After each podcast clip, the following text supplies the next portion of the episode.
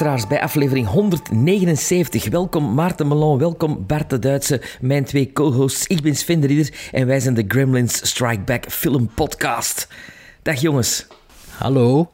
Het is goed geschreven, Sven. Vond het heel mooi. Goed Uw- gebracht uw- ook. uw haar Het is is zo niet fluffy. geschreven. Uw haar Wat, is zo fluffy. Is het, is het aan het Mijn haar is groeien, of fluffy. wat? Ja, het Ja, is dat is zo... voor, een, voor een, een nieuwe rol. Ik mag daar nog niet veel over vertellen, maar ik kon, eh, ik kon, iets, eh, ik kon iets opnemen. En, Ja. Ah, eh, ja, dat dus- is waar. We- Ja, ja, ja, dat is waar. Dus mijn, leuk, mijn en mijn sideburns zijn er. En hier van boven moet het, moet het weg. Dus ik kon een beetje een ah ja, Donald. Pleasance, Donald Pleasance look hebben. Zonder, Oh, zonder baardje Ah, dan. hè. ah, zo, ja, ja, ja. Oké, want zo, als ik mag zeggen, dat moet je niet doen, hè, in het echte leven. Nee, dat weet ik. Dat weet ik. Maar dit gaat dus weg en de, de zijkanten blijven staan. Ja, dus het is al heel uitgedund. Dus van, kijk, bij mij, ik heb vandaag ook mijn haar geknipt, zie je het al? Dus Ja, maar dat begint echt... dat- Dat heb ik niet, hè. Ik heb niet zo langs de zijkant zo weg. Ja, ja maar het is, hier, het is hier aan het uiten. En aan de achterkant ook. Dat is mega raar, Ja. want niemand anders in mijn familie dat. Misschien de melkboer, ik weet het niet, maar... dus het is zo... mag niet, mag niet te lang worden, want anders is het zo wat precies te verdoezelen. En mag ook niet... Ik wil ook niet zo'n kaalkop zijn. Allee, weet wel, zo heel Zo ik zo. Oh. Nee, ja, nee, ja, nee, nee. Ik, allee, kaal mag, maar niet meer zo afgeschoren omdat het te kaal zit. Of heel dag een petje of een muts. Dat wil ik ook niet. Dat vind ik ook dwaas. Snap je dat? Hij van, van Want die mensen die dag en nacht variabelen, precies. de- Ja. ja. mensen van onze leeftijd zo wat die altijd een klak aan doen. Hè. Chuck Norris. dat. Chuck Norris. dat. Ja, Altijd. Chuck Norris is niet mijn leeftijd, hè. Nee, nee, maar dat is wel. Altijd Ja, een klasje op, omdat hij ook, ja, waarschijnlijk geen haar niet meer rijdt. Ja. Je wilt je blijven herinneren, gelijk dat je hem kent, hè, de Chuck. Net, net zoals ik. hè. Ja. Allee, dus Sven, je hebt iets leuks in de pipeline en Ah, ja. dan kun je naadloos overgaan naar ehm, aangespoeld is dan. Met uw weelderige haardos. Ja, maar dat is mijn zijkanten. pruik, hè. Dat is mijn pruik. Ah, oké. aangespoeld. Ah, het is niet je haar nee, nee, daar nee, had nee, laten groeien. Met een baard Nee. misschien wel. Ik wil wel misschien met een baard wat langer laten staan. Ehm, Maar zo'n baard gaat niet lukken hè, tegen dan. Lekker op die foto's, de promofoto's. Is dat niet zo'n Wow, dat weet ik niet, hè. Hey. is dat niet zo'n lange baard? Allee, Maar dat is april, mei, juni, juli, nog drie maanden. Ja, dat zou misschien die wel een baard zo lang rap, of wat? Je gooit heel rap. Voor Is de het waar? bowlingbal zou ik hem vier maanden laten staan. Ja, maar die op die foto van Dings is toch langer dan in Ja, dat is een valse baard, hè. Ja, tuurlijk. Dus ik zeg dat hij niet zo lang gaat Ja, op misschien dat ik het foto. toch nog een valse. Ik weet het nog niet. Een pruik in ieder geval wel. Aangespoeld dus deze zomer eh, in Antwerpen te zien. En Ja. in het najaar op tour door Vlaanderen. Allee, ja, huppla. Ja. En, eh, ja, eh, misschien moeten we voor ons ook wat reclame maken, hè? Wat is voor het allemaal voor uw eigen bord? Van wat moet ik reclame maken? Vertel. Ik weet niet. Sociale media of Voor zo. de aflevering Ah, ja, de misschien? aflevering, Allee, wat ja, dat we ja. gaan doen. Nee, Zo nee. de, de, de normale Ja, maar intro's. ja, van- ik Allee, mag nog niet de korte inhoud geven, hè, want als we dan iets niet meer doen Ja, onderweg. maar de films gaan we sowieso bespreken. Tuurlijk, dat we gewoon Tree of No Kind doen. En ik kan er een preview van geven, nou, maar dat staat er zo op mijn papier. Eh, we... we hebben dus weer drie films gezien en gekozen. Ehm, Sorry. ja, ik- Doe het maar. En eh, eh, moet ik dan de Welke films? Ja, welke, welke films? De titels van. Geef gewoon de gewoon titels. zoiets die drie films bespringen. Armageddon Time, eh, the, the, the Most Dangerous Game en The Specialists. Ja, Il Voilà. Specialisti. Glee, Glee Specialist. Glee, Glee Specialisti. Ja, Glee. ja, juist. Ja. Glee. Glee. Ja, en eh, je kunt dus ons ook volgen op Facebook, Twitter, Op Twitter, Instagram, op Instagram, Letterboxd. op ja. Letterboxd. En ons mailadres is altijd gremlinstrikeback.filmpodcast.com Gremlins strike Meerder dan... at eh, dinges. Precies, Jean-Marie Favir.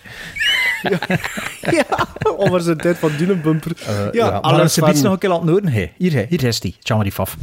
Ik ben Jean-Marie en geluisterd naar Grimmelink Starback. Gremlins Strike Back. Ja, alles Sven. Dat was lang geleden, hè?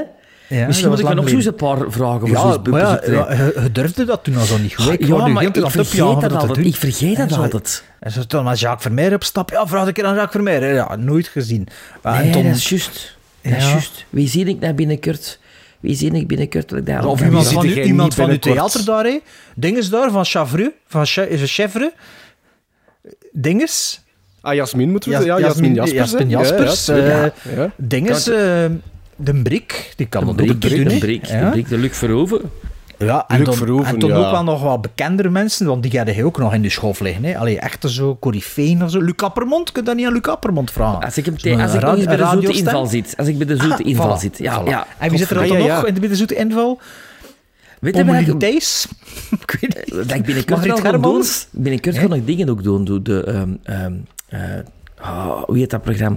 Bij Iedereen Beroemd met die een trein zo. Bij de Peter van den Ede. Ah, ja, ja, ja, ja. Ja. ja. Oh, ja. Hadden de, ah, je moet een sketch kunnen ja, doen met hem. ja, ja, ja. Dat is plezant. Ah, dat is misschien eens, kan ik het misschien eens vragen aan hem. Ja. Ah, ja. Ja. Oké, en eh, maar eh, Maarten en ik, wij hebben onlangs ook met Helmut Lotti rondhangen, hè, weet het? Klopt, ja, hij zat eh, niet ver van ons. In Mol, ja, Helmut Lotti was aanwezig op de Belgian soundtrack. En dat heb Eh, je toch gevraagd dan, onder Helmoet? Ah, ja, nee, die was Ah, aan het nee, zingen, ja, nee. Ja. Ja, Ah. hij was aan het optreden. Ja. Eh, dus die was aanwezig op de Belgian soundtrack. Een uh, weetjesvoorstelling. Wacht, ik ken niet de flyer bij mijn neus. Een weetjesvoorstelling over muzikale Belgen in de cinema van eh, onze kameraad Robin Broos. Broos. ging ik zeggen. Ja, Broos. Broos. Ja, Pro- Ja, ik Robin ging- Broos. Ik was aan Robin Pront en Broos door elkaar aan het pijzen. En eh Pele iemand, hè. Maar ik zie zijn naam Tom. nu. Tom Pele? Nee. Tom Peters, tussen aanhalingstekens, Pele. En eh, ja, Maarten en ik, en Sven waren ook uitgenodigd, maar Sven hij kon niet. Nee. En, eh, ik ken ze een- allebei een- wel, de mannen. dat, dat was een plez- Ik kan hier ook gewoon de flyer voorlezen, hè, maar het was... eh, ik kon dat niet doen. Super coole visual, Ja, alleszins. Ja, het was, het, was, het was een plezante zaterdagavond. Dus over eh, ja, filmmuziek. Allee, ja, Belgian, de Belgian soundtrack. Vooral over de muziek van Belgische films. Klein beetje internationaal gericht. Ehm, en het, het voornaamste dat ik, allee, of het coolste van al dat ik eraan vond. Oké, ik, nu wel, allee, ik kan nu wel verwachten dat ik eigenlijk niet zoveel van die weetjes ging weten. Maar het coolste was dat ik eigenlijk 95% van de films die aan bod kwamen nog nooit van gehoord had. En dat vond ik wel Ja, dat was echt straf. heel... Op, ik vond dat ook obscuur, precies, ja. Ja, maar echt, echt deep cuts en zo. Dus allee, misschien als je niet zo super into films zit, is het misschien iets te obscuur en heb je liever over Coco Flanel en, ik weet niet, ja, zware jongens of zo. Maar like, like voor iemand like mij, ik vond dat wel echt super cool. Dat zo... Het is Ja. een beetje een bruggetje ook naar mijn summer special, die ik vorig jaar niet heb gedaan. Maar, Dat je niet hebt gedaan, hè. Het verhaal, zit, het. verhaal zit erin, hè. ja, maar Ja. die mensen zijn nog veel meer te vertellen dan dat. ze. Ja, Hans verhaal van Ja, de mission zit erin, hè. Dat is graaf, hè? Ja, Maar ja. Misschien moeten we daar toch een keer een summer special mee doen. Als, Ja. die mensen, als, dat, als dat een referentiepunt is van wat dat hij nog kan vertellen, Ja, ja, ja, Nee, ik, nee, dat, echt. dan, dan zou ik zeker Meer eh, een Brian- Brian. Clifton, hè, voor de Ja, Brian duidelijkheid. Clifton, Ja. meetings met John Milius en zo. Echt de, de, goede verhalen. Goeie verhalen. Ja, Allee, ja, ja, ja. Ik, eh, ik, eh, maar ik, dat is de goede maat, dus ik kan dat sowieso doen. Ja. Ja, maar kijk, Sven, Zo, ja, zeker. wacht, dus, eh, dus ze spelen nog in enkele cinemas. Ik heb hier de flyer voor me. En daarna gaan ze- 27 april is het in Antwerpen, denk ik. Ja, ja, 27 april is het in de Lumière in Antwerpen. 19 april, daarvoor nog is het in Brussel in het cinema van de Rits. We zijn in april ja, al ondertussen. 28 april is het in de Lumière in Brugge. En 4 mei is het in de Boeddha in Kortrijk. En daarna zei... cool. Ja, Robin zei tegen mij, daarna is het nog... eh, eh, ik geloof dat ze hem al een stuk of tien keer of zo verkocht hadden is aan CC's. Ja, CC's. Dat is dan van najaar 2023. Maar eh, ja, ik vond, vond het een plezante avond. Helmoet Lotti vond het ook. Die was aan het zingen in de, in de zaal. Dus... Ja, klopt, die hield hem niet in. ja, die hadden er in. Ook, ja, inderdaad, een paar toffe visuals. De, dingen, ze, de Robin en de, de Pele hadden alle twee een supercoole t-shirt en een stil uit een, eh, een Vlaamse, f- allee, een Belgische film. Ehm, maar ze konden die niet drukken als tour-t-shirt, want de rechten daarvoor zitten nergens. eh. maar dat denk ik ook, doe dat gewoon. En eh, als ze komen achter hun rechten, eh, over hoeveel geld gaat dat gaan? Niet veel. hè. Als je, kunt, als je een klein beetje interesse hebt... Allee, zo luister, denk onze luisteraars, die, zijn, die kunnen zeker naar de Belgian soundtrack gaan, denk ik. Toch, Bart? Ja, Ja, ja, ja. Ik, eh, ik, ken, eh, ik heb me uitstekend geamuseerd voor Het is eh, absoluut- toch het is- anderhalf uur het is- te rijden daarvoor. Ja, het, is zeker, het is heel veel informatie op, op korte tijd. Ja, Dus- en als je denkt, ik wacht op het boek. eh, de bedoeling was ooit eerst om er een boek van te maken, maar eh, er was geen interesse. Dus ik zou niet zeggen, ik zou zeggen, wacht niet op het boek, want wie, wie weet komt dat boek er... Wat, ik, heb er ook, een- ik, ik was ook aan het spreken met Robin en dus er komt sowieso een vinylplaat met de muziek, of de ja, meeste of een muziek. compilatie, die- ja. ja, inderdaad. En ik denk wel nog dat de wens of de hoop er is dat er uiteindelijk wel ook nog een vervolg aan gebreid kan worden met een boek. Ja, maar het is ook mijn recht. Allee, het is, Ja, het, ik weet het, het, het is veel het. doe, geloof ik. Dus Ja, we zien wel. Maar, maar zeker een aanrader. ja, zeker een aanrader en pik het mee als je geïnteresseerd zit. Ah ja, en, en omdat ik nu blijkbaar toch eh, in iedere aflevering in de intro een shout-out doe, Ah ja? eh, wil ik nog een shout-out doen naar een diehard fan van de podcast, die ik tegengekomen ben op de première van Rapunzel. Ik wist wie dat, dat was, omdat ik ken zijn foto van die mens tagt ons nogal veel op Instagram en zo. En dat was dus eh ene Dimitri Nelissen, Is die die- ik even een shout-out wil geven. En weet je waarom? Omdat hij... Ik, ik stapte op die man af en ik gaf hem een hand en ik zei van, hey, dag Dimitri, ik ben Maarten van de Gremlins. Het is de eerste keer dat wij elkaar tegenkomen, maar ik weet dat hij naar ons luistert. En zijn reactie was... ehm amai, ik dacht dat hij groter ging zijn. Dus dat is nu de eerste keer dat er iemand aan de hand van mijn stem zei dat hij dacht dat ik groter was. Misschien is het ook niet ideaal moment voor het verhaal te vertellen van de eerste keer dat Sven u gezien heeft in Tact. Sven, vertel het maar. Ja, doe maar, Sven. Ja, wij hadden elkaar dus nog nooit in het echt gezien. Allee, te zeggen, Bart en ik wel. Hè? Bart en ik hadden elkaar al in het echt gezien. Had jij Maarten al gezien in het echt, Bart? Ja, ja, ja. ja, ja. Ja, ja. Ja. Dus, maar ik had Maarten nog nooit in het echt gezien. En bij onze... eh, nee, ik ging eigenlijk voor mijn showreel bij de Maarten langs. Eh, denk ik. Ah, ja, Allereerst ja, was ja, voor een ja. verjaardagsfeestje. Het is een verjaardagsfeestje voor, voor de, de eerste verjaardag van Maarten zijn zoontje. Ah, van Sippe. Ja. Ja. Ah, Ja. oké, dat was dat. En, maar ik was er al voor de Bart. En maar de Bart had mij in een dag een berichtje gestuurd. Verschiet niet als je de deur open doet. Misschien niet. Want Maarten is een dwerg of zoiets. Dus ik heb heel de tijd van, allee, want je hebt dat nooit niet gezien. Hoe is dat mogelijk? Ja, en die deur gaat open en ik schiet in een lach en het ijs was gebroken natuurlijk. Maar dat was fantastisch, want uw, uw look was priceless. En ik wist natuurlijk van niks, maar Bart had mij niet op de hoogte gebracht. Dus ik doe die deur open en jij staat er zo van... ehm. ja, fantastisch. dus is over uh, Ja, maar het is nu hè? niet dat je twee meter zit. Hè. Allee, zijn een normale lengte. Of de- meter aan de grote 83 kant. of zoiets. Oh ja, dat is toch wel nogal... Dat is groot, zeker, een meter 83. Voor Telt mij als is dat, groot? dat is reus, reusachtig is dat voor mij. Maar dat is raar, hè. Soms, allee, soms ziet iemand... Dat is te zien hoe dat je gebouwd zit ook, hè, of dat er groot uit zit of klein. Maar ja, heb jij ooit al iemand gehad die op basis van uw stem zei van ah, ik dacht dat hij groter of kleiner zou zijn? Bij mij zeggen ze altijd, ik dacht dat het dikker wordt, wat dat je helemaal uitkrampt. zeg maar, eh, ik zou die mens wel niet herkennen en ik, ik repost Ah, dat altijd. wel, is dat direct. erg dat ik niet naar die mensen hun profiel ga, dat ik dat Man, gewoon... jij herkent nog geen acteurs. Jij kent nog geen namen om te houden van acteurs. Laat het staan dat je iemand zou herkennen Ja. die naar ons luistert. Ja, dat is, en zelfs mensen die me al aangesproken hebben, ze ook niet herkennen. Maar ja, dat is dan ook wel goed. Als ik ze dan wel herken, dan kan ik nog altijd doen alsof ik ze niet herken. Allee, on with the show, hè, want eh, we zijn hier alweer goed aan het lullen over niks behalve films. Allee, eh, over alles behalve films. Now I am become death, the destroyer of worlds. I should have expected to find you holding Vader's leash. I recognized your foul stench when I was brought on board. Little surprises around every corner, but nothing dangerous. I don't know where you get your delusions, laser brain. Read it? Read it? It?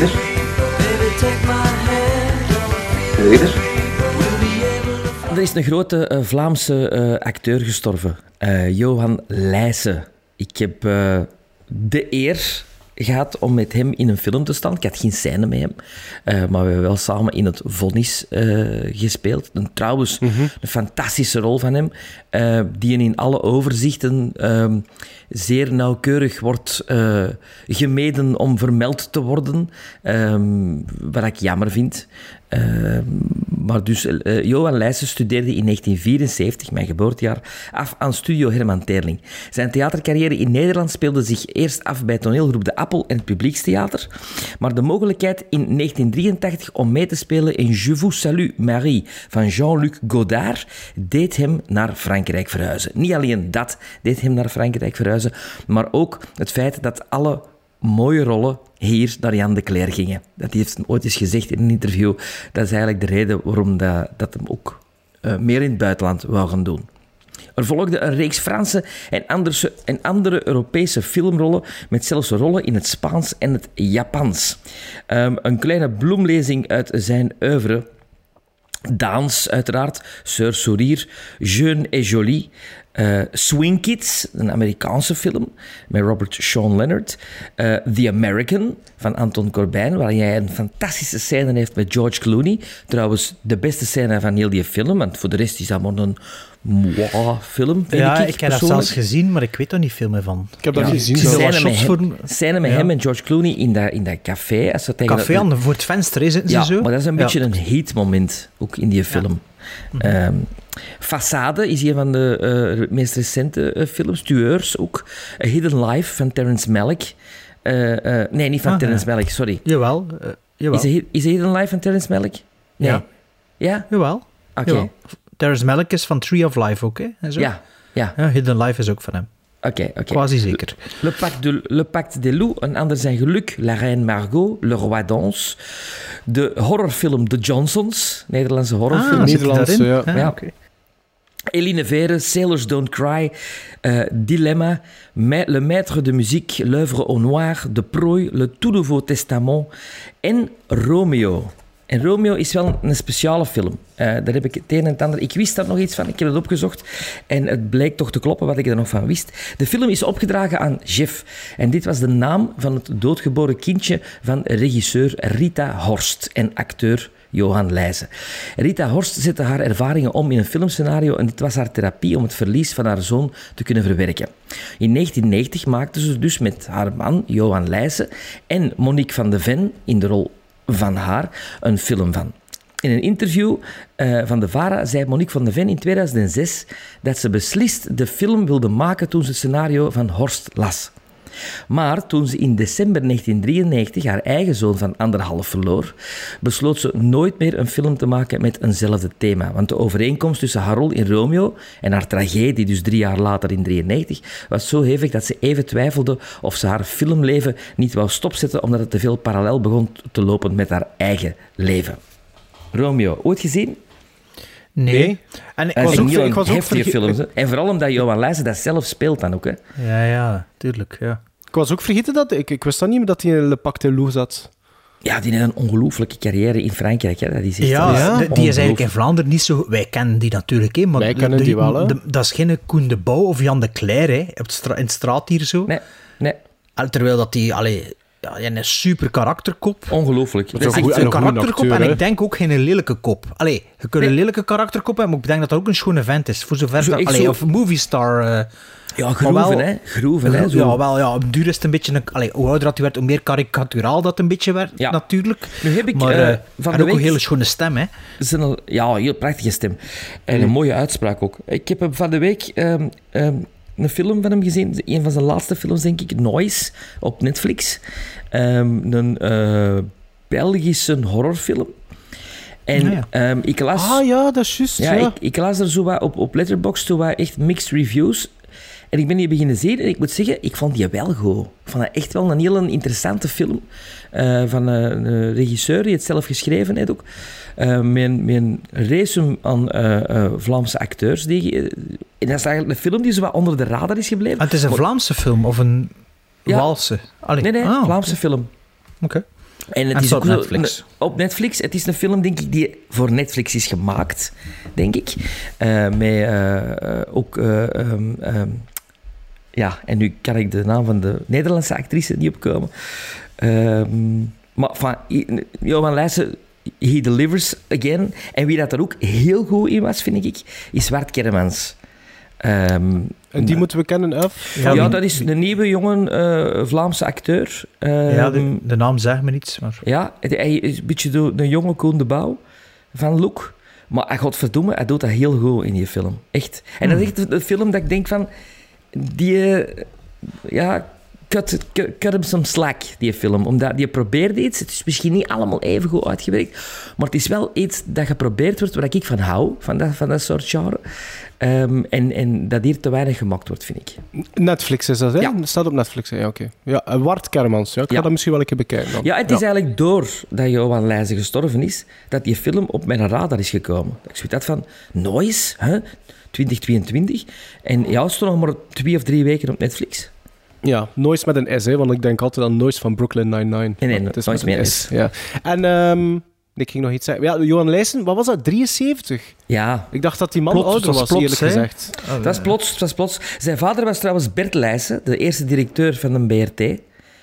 Ehm, hij heeft in totaal acht broers en zussen. Een tweelingbroer van festivaldirectrice en curator Free Leijsen, die ook eh, baas van de single is geweest in Antwerpen ook. Ehm, en ja, 73-jarige leeftijd, eh, zeer plots. Allee, het, hij was niet zo gezond, hoorde ik ook.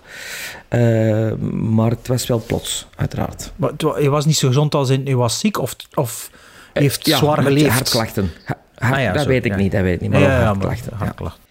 Eh, een andere eh, bekende eh, filmcomponist die ons ontvallen is, is Richie Sakamoto. Richie Sakamoto eh, werd bekend als lid van de Japanse synthesizer rockgroep Yellow Magic Orchestra, maar is voor mij... althans- Yellow Magic, serieus. ja, ja, Yellow Magic Orchestra. Maar is voor mij eh, eh, bekend geworden door zijn filmmuziek ehm, en ook door zijn acteerprestatie in de film Merry Christmas, Mr. Lawrence, waar hij aan de zijde van David Bowie Ja, ja, speelt. ja. Maar ook dus de, eh, de muziek voor heeft gemaakt. Ehm, een heel een nummer dat eigenlijk de, de hitparade heeft gehaald, ook eh, Forbidden Colors, gezongen door Sylvian. Ehm, Sakamoto won een Oscar voor zijn muziek van The Last Emperor eh uit ja, ja, 1987 Ja. van Bernardo Bertolucci. Hij werkte ook nog samen met Bernardo Bertolucci voor de film Little Buddha en hij is in The Sheltering Sky. En hij schreef ook de muziek voor Pedro Almodovar's High Heels en Oliver Stone's Wild Palms. En ook voor The Revenant. Eh, met Ah, ja, ja. Sakamoto? Oké. ja, ja, ja, ja. Componeerde ook de muziek voor de openingsceremonie van de Olympische Spelen in Barcelona. Ehm, en hij is slechts 71 jaar geworden. Ja, hij was niet, ook niet oud, hè, dacht Nee. ik. Ja. Nee, nee, nee, nee. nee.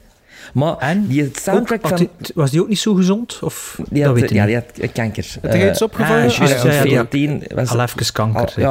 ja. Maar die muziek van The Last Emperor is fantastisch. Dat is echt een ongelooflijke score. Ah ja, want daar heb jij het over gehad ook in een, in een, in een aflevering The Last Emperor. Ja, Ja. ik En ik denk heb dat toen waarschijnlijk ook gezegd dat dat afleveringen was zelfs. Ik heb toen waarschijnlijk ook gezegd dat dat een van de eerste, enigste cd's is dat mijn pa een soundtrack van heeft. Nee, The Last denk- ik denk Emperor dat en Absolute on- eh, en Ik- Midnight, Around Midnight. Is ook Ik denk dat je dat zelfs onlangs in een van uw ehm, Three of No, no Kind opties had gestoken, Sven. The Last Emperor. Ah. Nee. Dat Denk- denk, ik wel. Nee, ik denk Denk dat dat vrij in het begin was, toen dat ik nog mijn segment had. The Hills Are Weet je nog, die dat- vervlogen tijden. Toen dat Samba, Samba ons nog niet kende.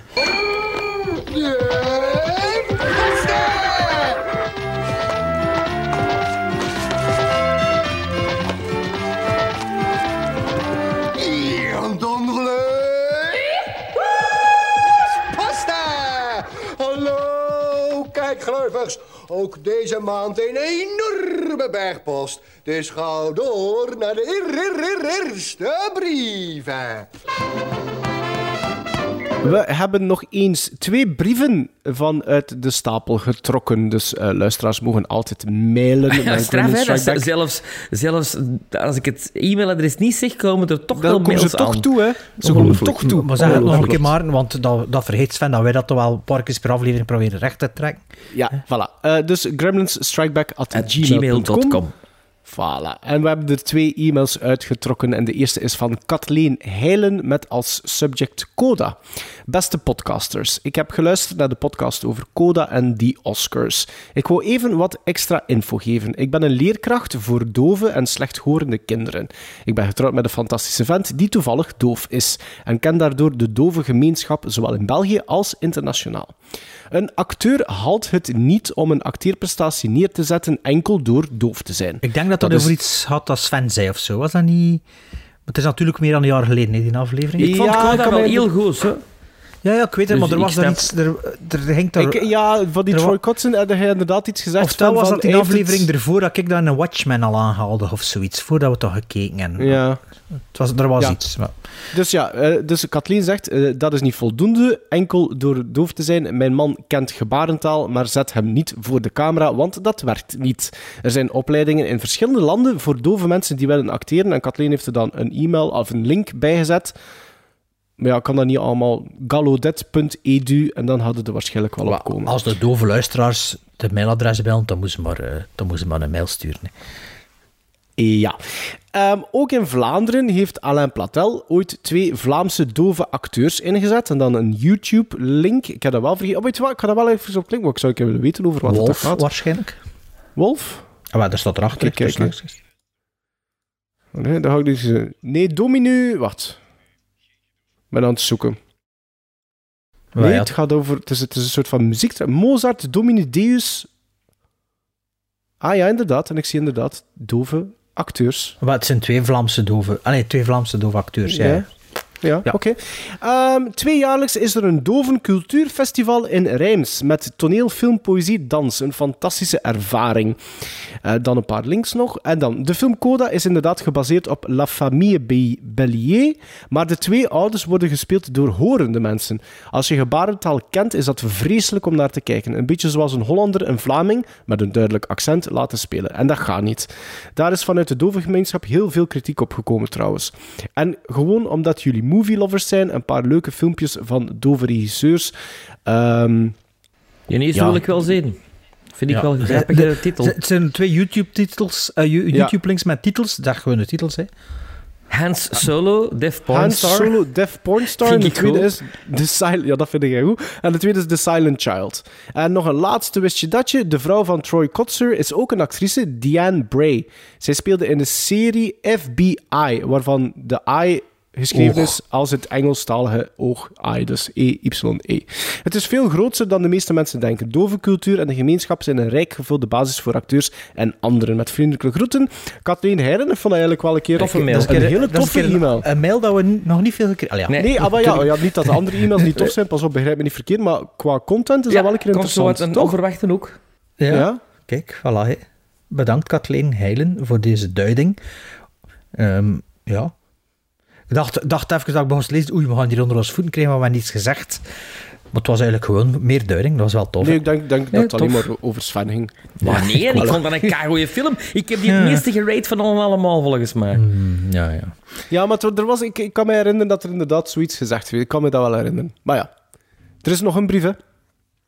Ja, van Jeffrey van Hoof. Over de Maarten-rubriek. Hey Gremlins, ik heb net de recentste podcastaflevering achter de kiezen en deze eindigde toch met een duidelijke ontgoocheling van Maarten naar mijn gevoel. Sven heeft zijn spleet, Bart zijn Fransbrood, maar Maarten blijft verweest achter. En de miserie Maarten- van... Maar het meest van al over aan deze podcast hier. En de miserie van Melon was inderdaad niet echt een aantrekkelijk voorstel. Er zijn toch genoeg andere alliteraties waar jullie mee aan de slag kunnen. Dus ik ben zo vrij geweest enkele suggesties neer te pennen. Het mysterie van Melon. Een rubriek waar mysteriefilms in de ruime zin van het woord, die Maarten nog niet gezien heeft, aan bod kunnen komen. Murder mystery, whodunit, etc. etc. De melon van Maarten, de vrienden van Maarten. Melon is Tolkien Elfish voor vriend. Zie The Fellowship of the Ring, Speak Friend and Enter, wanneer het gezelschap de geheime deur naar Moria opent. Vrij in waar jullie hiermee heen kunnen, ik geef maar de voorzet. Dat is De nooit niet zo goed. De Metaverse van Maarten. Een rubriek waarin jullie superhero-films die Maarten nog niet heeft gezien, allemaal bekend, kunnen herbekijken of bekijken en bespreken. Tot zover mijn inbreng. Thema's die mij spontaan te binnen schoten na aflevering 177. Doe ze voort. Groeten van een trouwe luisteraar, Jeffrey van Hoven, IG Jeve- Jeveho Creations. IG, Instagram dus. Maar ik vind, ik vind het wel heel sympathiek, eh, Jeffrey, dat je aan mijn welzijn denkt. En trouwens, eh, ik, volg, ik volg die een gast op, op Instagram en die heeft een supercool, want die doet custom Dat is toy figures. ongelooflijk, hè? Ja. Ah ja, ja, die heeft- dat, ja dat die, Die heeft een fantastische eh, figure gemaakt met, met ehm, het hoofd van de mascotte van de Chicago Bulls, nu onlangs. Echt Ah, ja. Hij heeft super ook cool een action figure. fantastische actionfigure gemaakt van ene Sven de Ridder in de film Torpedo. Ja, is juist. Dat is En, waar. en is dat ook hem die die de kludde van eh, Jan zonder Vrees zo gemaakt had? Ja, Die ja, was super ja. chic, hè? ja. Ja. Oké, eh, Jeffrey van Hoven, met al uw suggesties, ik zou zeggen, hou het op het maken van speelgoed. Bedankt. Three of no kind. Beetlejuice? That's it! Name's Beetlejuice? Ah, you said it twice. Just say it once more. Come on. Three of no kind. Three of no kind. Candyman,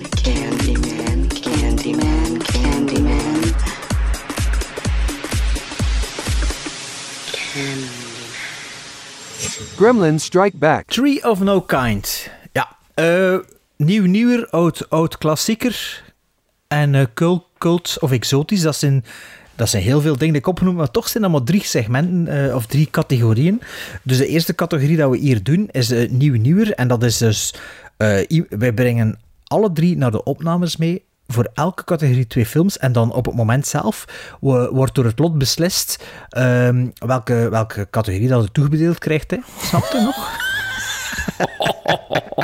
Ik skip mentaal die intro's ook meestal. ja, maar ja, gewoon. we weten hoe Ja. dat gaat. Hè. Dat was Ehm, wel heel ingewikkeld uitgelegd. Ja, ik weet het. Ja, maar kijk, Sven, hij had nieuw en nieuwer eh, gekregen de vorige aflevering. Ja, en uit de twee opties hè, hadden we Armageddon Time gekozen. Hè. Dat Ja, is, eh, Armageddon Time. Ja. Ik, ik heb vandaag een berichtje gekregen van Everans, maar dat dan... Waar was dat nou weer? Dat ze gezegd hadden... Al, de titel doet het anders vermoeden, want de titel lijkt wel een, eh, een rampenfilm. Ah, maar dat was daarom niet dat ik dat duurstu- doorstuurde. Het ging over, eh, over het feit dat, hij in de cinema kwam op 26 Studioscoop. april. Ja. Studioscoop, hè? Ja. Gent, hè? Ja. Dus ik weet niet of hij een algemene release kreeg of dat dat gewoon een speciale vertoning is. Dat Maar de- eenmalig je hebt- zijn. Je hebt de Blu-ray gekocht een maand geleden in de, in de Mediamarkt. Dus, allee. Ja, dat is raar. Ja, maar kijk, ja, dat komt Ah nee, in de ik zaal. dacht, ik vond dat een onnoezele openingszin. Ah, nee, ik kan dat niet gelezen. Nee, nee. Ah. Maar Maar wel, dat zeg maar- Armageddon Time, dat je dan direct denkt van... Oh, oh, oh, een, een Michael Bay film. Ja. Maar ik had er niks over verteld en ik moet eerlijk zijn, ik, ik wist ook niet al wat ik mij moest verwachten. Alleen afgaande op de titel, sorry dat ik het zeg Sven, maar dacht ik misschien dat dat ook in een ander genre zou zitten hoor. Oké. Maar Ja, vertel, eerste- ons nu, dus ja, ja. vertel ons over Vertel wat dat maar. Armageddon Time is een film van 2022. Het speelt zich af in het New York van eind jaren 70, eh, waar de 12-jarige Paul opgroeit in een hecht gezin. Door zijn grootvader wordt hij aangespoord om zijn creatieve dromen na te streven. Met zijn beste vriend, de Afro-Amerikaanse John, is hij verantwoordelijk voor veel kattenkwaad in de public school. Maar dan wordt Paul door zijn ouders naar een privéschool gestuurd, waar ook zijn oudere broer les volgt. Dat is mijn kleine synopsis. De film is van James Gray. Ehm, het is een autobiografische film, want het hoofdpersonage heet Graf. Eh, omdat Paul, Paul Paul Graff, Graff, James Gray. De hoofdrollen zijn voor Anne Hathaway en Jeremy Strong als moeder en vader. Anthony Hopkins als eh, grootvader. Jessica Chastain met een zeer Oeh, dan leuke- mag, het, dan mag het dan wel zeggen, of wat? Is dat niet like, Bullet Train? Dat, eh, zo, eh? Ik vind dat ik wel Jessica verrassing. Chastain mag zeggen, maar ik weet niet of dat ik mag zeggen waar dat ze speelt. Want dat vond ik een ongelooflijke grote verrassing. Ja. Ja. Dominique Lombardozzi en Banks Repeta. Dat is het die in het jongetje speelt. En die kennen we van Uncle Frank, The Devil All the Time en The Black Phone. En het duurt een uur 54. En het duurde een uur 54. Ja. Ik, ehm, dat is de laatste film dat ik gezien heb voor de voorbereiding van de, van de Dat ik podcast. gezegd, dacht dat de laatste keer, Sven. Dat ik dat zoiets afkomt, hè. Ehm, ja, nee, het was de laatste film dat ik gezien heb en ik begon daarna te kijken. Ik, ik, had, ik had twee films back-to-back gezien. Ehm, dus ik was wel al een beetje moe, want het was laat op de avond toen ik begon aan Armageddon Time. En ik wist dus effectief niet al wat ik mij moest verwachten. Ik had nog, dat, denk vorige aflevering gevraagd, kun je er iets over vertellen? En Bart zei, nee, nee, nee, dat gaan we dan wel volgende keer zien. Dus dat, dat was niet gebeurd. Dus ik wist niet al wat ik mij moest verwachten. Dus het blijkt dat dit een soort van... eh, ze noemen dat een coming-of-age film is. Met als backstory eigenlijk het verhaal over eh, de moeilijkheden van, van Joden doorheen verschillende generaties. En in 1973 om eigenlijk de American Dream een beetje waar te kunnen maken. Want in de film wordt bijvoorbeeld ook gezegd dat ze op een gegeven moment hun familienaam veranderd hebben naar Graaf, omdat dat minder Joods te doen Ja, klinken. denk 77, denk ik. De... Ja, in de, in het begin- de film begint met de tekstpakkaarten. Ik dacht dat 73 was, maar Dat kan kan niet, want 77 Sugar Hill Nee. Gang is later, hè. Ah ja, en, en, en Nee, Reagan af was- met de- Reagan was met gouverneur. Reagan, hè, Ik ja. Denk dat ja. 79 is zelfs eigenlijk. Want Ah, Reagan- Reagan is in 77 gouverneur geworden, volgens mij. En, Ja, en- maar je wordt verkozen tot president. Dat is in gedurende de 80, film, hè? Ah, wel, dus nee, begin in 79, maar volgens mij zit er een nieuwjaar tussen of zo, niet? Of een Thanksgiving. Ja. Dus dat, is het eind, ja, eind dat- ja, 79 ja, dat ja. zijn. Ah, oké, ja, voilà. Dus Zoals ja, de aflevering, dan. 179. Voilà, dus Kijk eens aan, toeval moet bestaan hier. zo. Cirkel... Ja, nee, nog niet. Nee, cirkel nog niet rond, nee. Ehm, ehm, goh. Ik vond dat, ik vond dat heel... Dat, dat klinkt negatief, maar ik vond dat wel een hele adequate film. Ehm, ik vond dat er daar weinig op aan te merken valt, in het negatieve. Maar ik vind ook niet dat daar superveel echte positieve of uitschieters in zitten in die film. Ehm, ik vond... ehm, mijn grootste pet peeve met, met Armageddon Time is dat ik vond die het jongetje die Paul Graaf speelt en wat dat eigenlijk basically onze, ons hoofdrolspeel, onze hoofdrolspeler is. Ik vond eigenlijk zijn arc, of hetgeen dat hij meemaakt, vond ik eigenlijk het minst interessant. Ik vind, er zitten eh, een scène of drie, vier, eh, waar de Hans die familie ehm, met beide eh, grootouders van beide kanten, van de mama en de papa, aan tafel zitten. En ik moet eerlijk zeggen, ik vond dat de beste scènes van Hans de film. Omdat ik dan toen meer te weten kwam over die struggles, waar dat die mensen vandaan kwamen, waarom dat ze gevlucht zijn, wat dat ze proberen te bereiken in, in Amerika. Ehm, met dan als, als eh, misschien dan toch uitschieter Anthony Hopkins. Eh, de paar scènes dat hij heeft, of de scènes dat hij heeft, vond ik hem heel goed. En ik, ik, ik miste, ik, wat ik vooral miste in Armageddon Time, is de informatie die ik op die momenten krijg in de film, mis ik omdat we 70% van de tijd naar een jongen zitten kijken, die, als dat dan toch bestempeld wordt als een coming-of-age film, iets te mager uitvalt voor mij om een mooi begin en einde te hebben. Ik voel niet echt de evolutie dat dat personage dan doormaakt of de lessen die dat personage leert. En als er dan al lessen in zijn, zijn die eigenlijk redelijk, komen die voor mij, laten we zeggen, eigenlijk redelijk plattekes over. Zeker omdat er dan Allee, zijn beste vriend een vriend is met een andere huidskleur. En ik, ik neem niks weg dat dat autobiografisch is. Hè. Eh, Dat, dat bedoel ik niet. Maar in een filmisch iets miste ik eigenlijk de diepgang die gehint wordt door de struggles van de, de, de, de vorige generaties om te, te komen waar dat ze, dat ze zijn gekomen. En als ik dan wel een minpuntje mag hebben, maar dat is misschien nu ook omdat er daar redelijk veel over te doen is door Brian Cox. Ik, ik was niet zo'n fan van Jeremy Strong hier. Allee. Nee, weet je waarom? Omdat ik, ik voelde wat dat Jeremy Strong probeerde te doen. Welk personage dat hij probeerde te kanaliseren, laten we zeggen. En die kwam... En er zat daar een geloofwaardigheid in, in dat personage. Maar voor mij bleef dat precies altijd heel gespeeld aanvoelen. Ik, ik, ik vond dat niet een... Natu ik, vind, ik, ik miste een naturel in dat personage. En een naturel die bijvoorbeeld een Anne Hathaway wel heeft als moeder in die film. Die geloofde ik direct. Haar, haar zijn ook iets geringer, vind ik. Ehm, maar dat, dat, die, die, ja, die had een soort naturel. En met Jeremy Strong had ik zoiets... Dat kan zijn in mijn onbewust... In mijn onbewustzijn dat ik er zo'n beetje rekening hou met, die kleine hetsen of wat dat dan ook van Brian Cox, hé, met zijn method acting, eh, method act- acting van Jeremy Strong. Maar ik, ik vond dat, dat. Het was niet geforceerd, maar het voelde zo... Je zijt er net niet. Je zit er voor 80%. Maar ik begrijp wat dat je probeert te doen. Dus dat vond ik een beetje... mm. Ik vond dat een oké film. Maar, maar ik kan niet zeggen dat ik een fantastisch goede film gezien heb. Maar ik vond dat oké voor een keer te zien. En dat is het een beetje. Ja, net zoals eh, ja, Maarten wist ik ook niks van die film. Ehm, behalve dus dat van James Gray was en dat dat dus geen cinema-release gekregen. Dus ik was wel verbaasd toen ik toevallig op de Studioscope Hand website zag dat die 26 april speelt, of vanaf 26 april. Dus ik vraag me af wat de, wat de deal ermee is.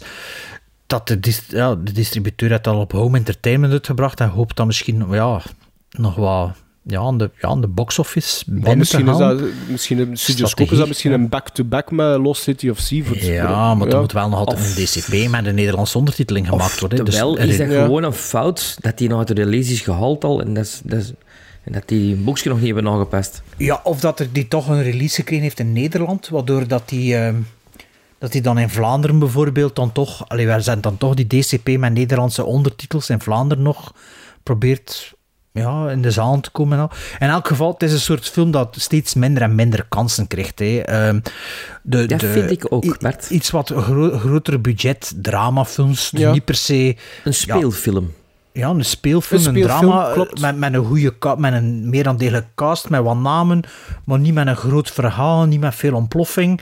En het is wel tof om dan nog een keer zo een nieuwe film te zien die, ik kan niet zeggen pretentieloos is, maar ook niet Of ook niet, niet, niet ambieert van meer te zijn, maar dat klinkt negatief, maar... Nee, nee, maar ik verstond Dus, exact wat je wilt zeggen. Zo, een, een Ja. film. I- Vooral, film? dat, wil, dat moet verteld worden omdat iemand vindt, ik wil dat vertellen. Ja, en dan zo een Ja. film dat er misschien dan zo... Ja, naar de cinema zoeken gaan en zo... Ah ja, wat speelt hier? Ah, wel, ik zal dat een keer zien. Weet je, de laatste keer dat ik had was met die, die dingen Sundown. van, van Pretoria. nee, met Daniel Radcliffe. Ja, Ah, dat was ja, ook zo'n klein ja. filmpje. Ja, Escape from Pretoria. Dat was ook zo'n klein, een speelfilm eigenlijk, een kleine film. En ik ben wat, pas op, dat, dat misstaat. Dit zou ook niet misstaan op het grote scherm. Maar inderdaad, dat krijgt te weinig kansen. Dat klopt. Ja, wel, ja, dus ik ben al blij dat er toch nog iets van kansen zijn, maar ja... In de jaren James- 70 werd dat veel gemaakt, zo van dit Ja, soort films. het is dat. Ja, maar James Gray, zijn laatste film was Ad Astra. En volgens mij is dat wel nog redelijk goed gedaan aan de box office. Ik heb dat nu nog niet gezien. Ik vond dat Brad goed. Pitt. Ja, dus een soort, ja, ik weet niet wat het is. Apocalypse- Een soort Apocalypse heb ik me laten vertellen. Tommy Lee Jones speelt er ook in mee, zeker? Nee, Of nee, dat is geen Anthony apoca- Hopkins? nee, dat is, een- dat is eh, Donald Sutherland en Brad Pitt.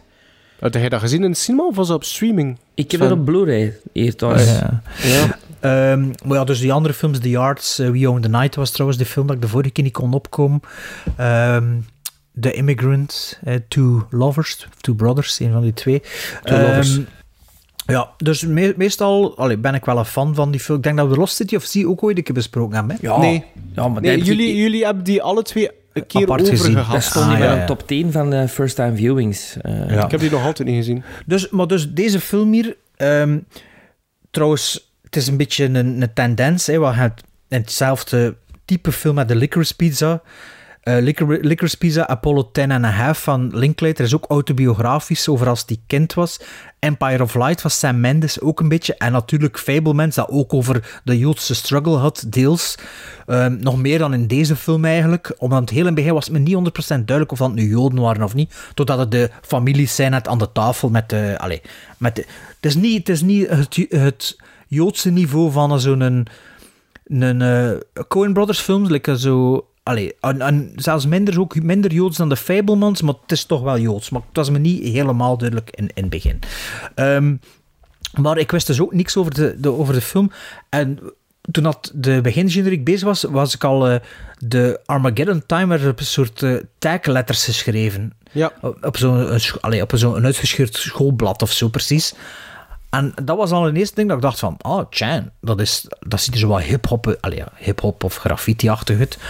Ehm, maar de look klopte precies niet. Het was zo'n jaren 70 look. Het was niet zo, wat dan zo associeert met een soort hip-hop verhaal. Ver, of, vergeelde Kodak-foto's in een fotoalbum van de jaren 70. Zo. de jaren 70 look, hè. echt zo de conversation of eh, van die, van die nico zo'n nicotine g- gloed. Zo. Ehm, de film begon en ik vond de eerste scène in die klas, ik vond dat een hele goede scène. Ik vond dat heel ehm, eh, natuurlijk. De, wat er in die klas gebeurt en hoe dat, dat, hoe dat die dynamiek zit en hoe, en hoe dat. En Die hoe leerkracht dat ook hoe goed. hoe dat erop gereageerd wordt en, en hoe, ja, ik vond dat heel, ja, heel, natu heel natuurlijk en, en een soort zeer waarheidsgetrouw en herkenbaar, misschien zelfs als Europeaan die 20 jaar jonger is of, of 15 jaar jonger is dan, eh, dan de regisseur. En die film, die scène duurde redelijk lang ook, waarbij dat de personages, of dat de moe leren kent, toch wel al eh, een goede basis zet voor ah ja, dat is zo in en dat is zo in dat is zo in. En dat vond ik wel straf. En toch had, begint de rest van de film, en ik was eigenlijk al voorheen dat dat met Anthony Hopkins was. Dus dat was toch wel weer een aangename verrassing als hem ziet. Zeker als je ziet hoe dat de, de, de chemie is tussen Anthony Hopkins en, en zijn kleinzoon. Ik vond echt, like die scène met die raket en zo, ik Ja, vond dat, dat- ik vond dat dat straffe, straffe scènes, en wat hij ook zei en zo. Ik vind over het algemeen, ook door Jeremy Strong, dat er goed geacteerd wordt.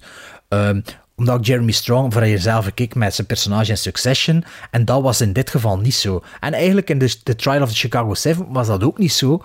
Waardoor dat ik... Allee, Goeie ik snap, wel wat hij, ik snap wel wat hij wil zeggen, maar omdat... Dat, eh, dat zijn... eh, hoe noem je dat? Zijn anger outbursts bursts soms niet geloofwaardig zijn, maar misschien... Ja, maar dat is dat ook de bedoeling. karakter, vind ik. Voilà. Die is Ik misschien denk ook niet wel- echt... ik Dat is weet- zo'n ik gast die niet die, niet- die niet kan kwaad worden, omdat dat dan ja, Ja. belachelijk wordt, Dat- zo, als hij kwaad wordt. En dat had ik wel. Ja, ja. En ja, daarom moet hij ik mis- fysiek ik, ik denk kwaad dat ik, worden. ik denk dat ik een, een beetje range miste ook in dat personage. Qua, die was nooit niet... Eigenlijk de enige outburst dat hij inderdaad heeft, is die ene keer dat hij echt kwaad wordt. En voor de, voor de rest blijft hij zo redelijk vlak, monotoon qua, En wel, qua, maar ik denk qua dat dat het delivery. personage is, hè? Ja, en ik snap het, ik snap het wel. maar Of ik de vond invulling van het personage. Ja, dat maar ik, ik miste dat precies iets. Ik vond ook zijn look vond ik niet zo...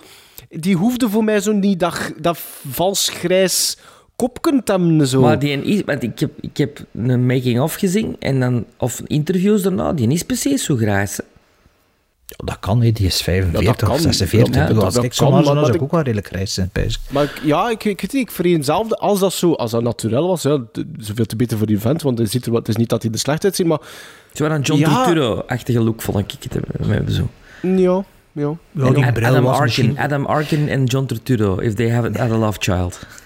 Ja, die bril was misschien een beetje een gewaagde keuze dat niet nodig was voor dat. Maar ik, wil, ik vind wel, ehm, ik vind dat eigenlijk met al zijn films van eh, James Gray, ik geloof de epoch wel. Ik geloof dat dat de jaren 70 Ja, is. ja, ik ja. geloof de, de, de kostuums, ik geloof de textuur, Ja. ik geloof de... Ja. Dat, dat voelde altijd wel doorleefd en authentiek aan. Alleen natuurlijk niet op een blue-collar niveau dat toen destijds gemaakt is, maar hier, ehm, wat heb ik nu zo onlangs gezien? Ah ja, ja ehm, is dan een dwaze film, The Bank Job, met ehm eh dinges, Jason Statham. Dat speelt zich zo gezegd af in de jaren 70 en dat geloofde voor geen seconde. Maar ja, dat is ook natuurlijk een ander soort film. Maar, eh, maar dit hier, dat, dat geloofde ik wel. Ik vond ook de, de, de, de, de typische keukentafelscène met heel het gezin. Dat was misschien wel mijn favoriete scène van heel de film. Ach wel, de openingsscène vond ik ook wel tof. En dan zo de, de kleine dingen die er zo in verwerkt zitten, die, allee, dat, ik kan niet zeggen dat ze ze zijn niet verborgen, maar ze zijn ook niet super on the nose. Zo de, de tegenstelling tussen blank en zwart, alleen wit en zwart, en tussen de, de, de Democrats en de Republicans. En dat het dan, ja, like, die, hoe dat die een zwarte jongen op sommige dingen reageerde, dat hij een witte jongen als normaal aanziet. Ik vond dat wel goed in het verhaal verweven. Like, de verbazing dat er een echt raam in het clubhuis, alleen of in het, de boomhut zit, of het clubhuis van, van de jong. En, ja, en dan dat, zei dat, en vader dat gemokt voor haar? ja, voilà, dat er een van, aanwezigheid ja. is van een vaderfiguur. Voilà, ja. Ook al vindt die ander dat zijn vader, ja, wil, is hij hem stront de beuze vader, of moet hij er niks van weten, of is het op dat moment van de relatie zo. En toen ook zo. eh, wat, ik, wat ik wel een beetje allee, niet zo goed snapte in het verhaal, behalve dat misschien als hobby is, was voor de moeder, is waarom dat de ene op een public school zit van de broers en de andere op een private school. Wat het echt de, de reden daarachter is. Behalve dat die moeder er dan iets te doen had, precies. Ik weet niet, Wat was- het karakter, karakter Omdat- van nee, de, het omdat een verschillende andere- karakter van de twee zonen. Omdat een zeker? ander een, een, een goede student is. Ja. En dat hij er op die manier dan een betere...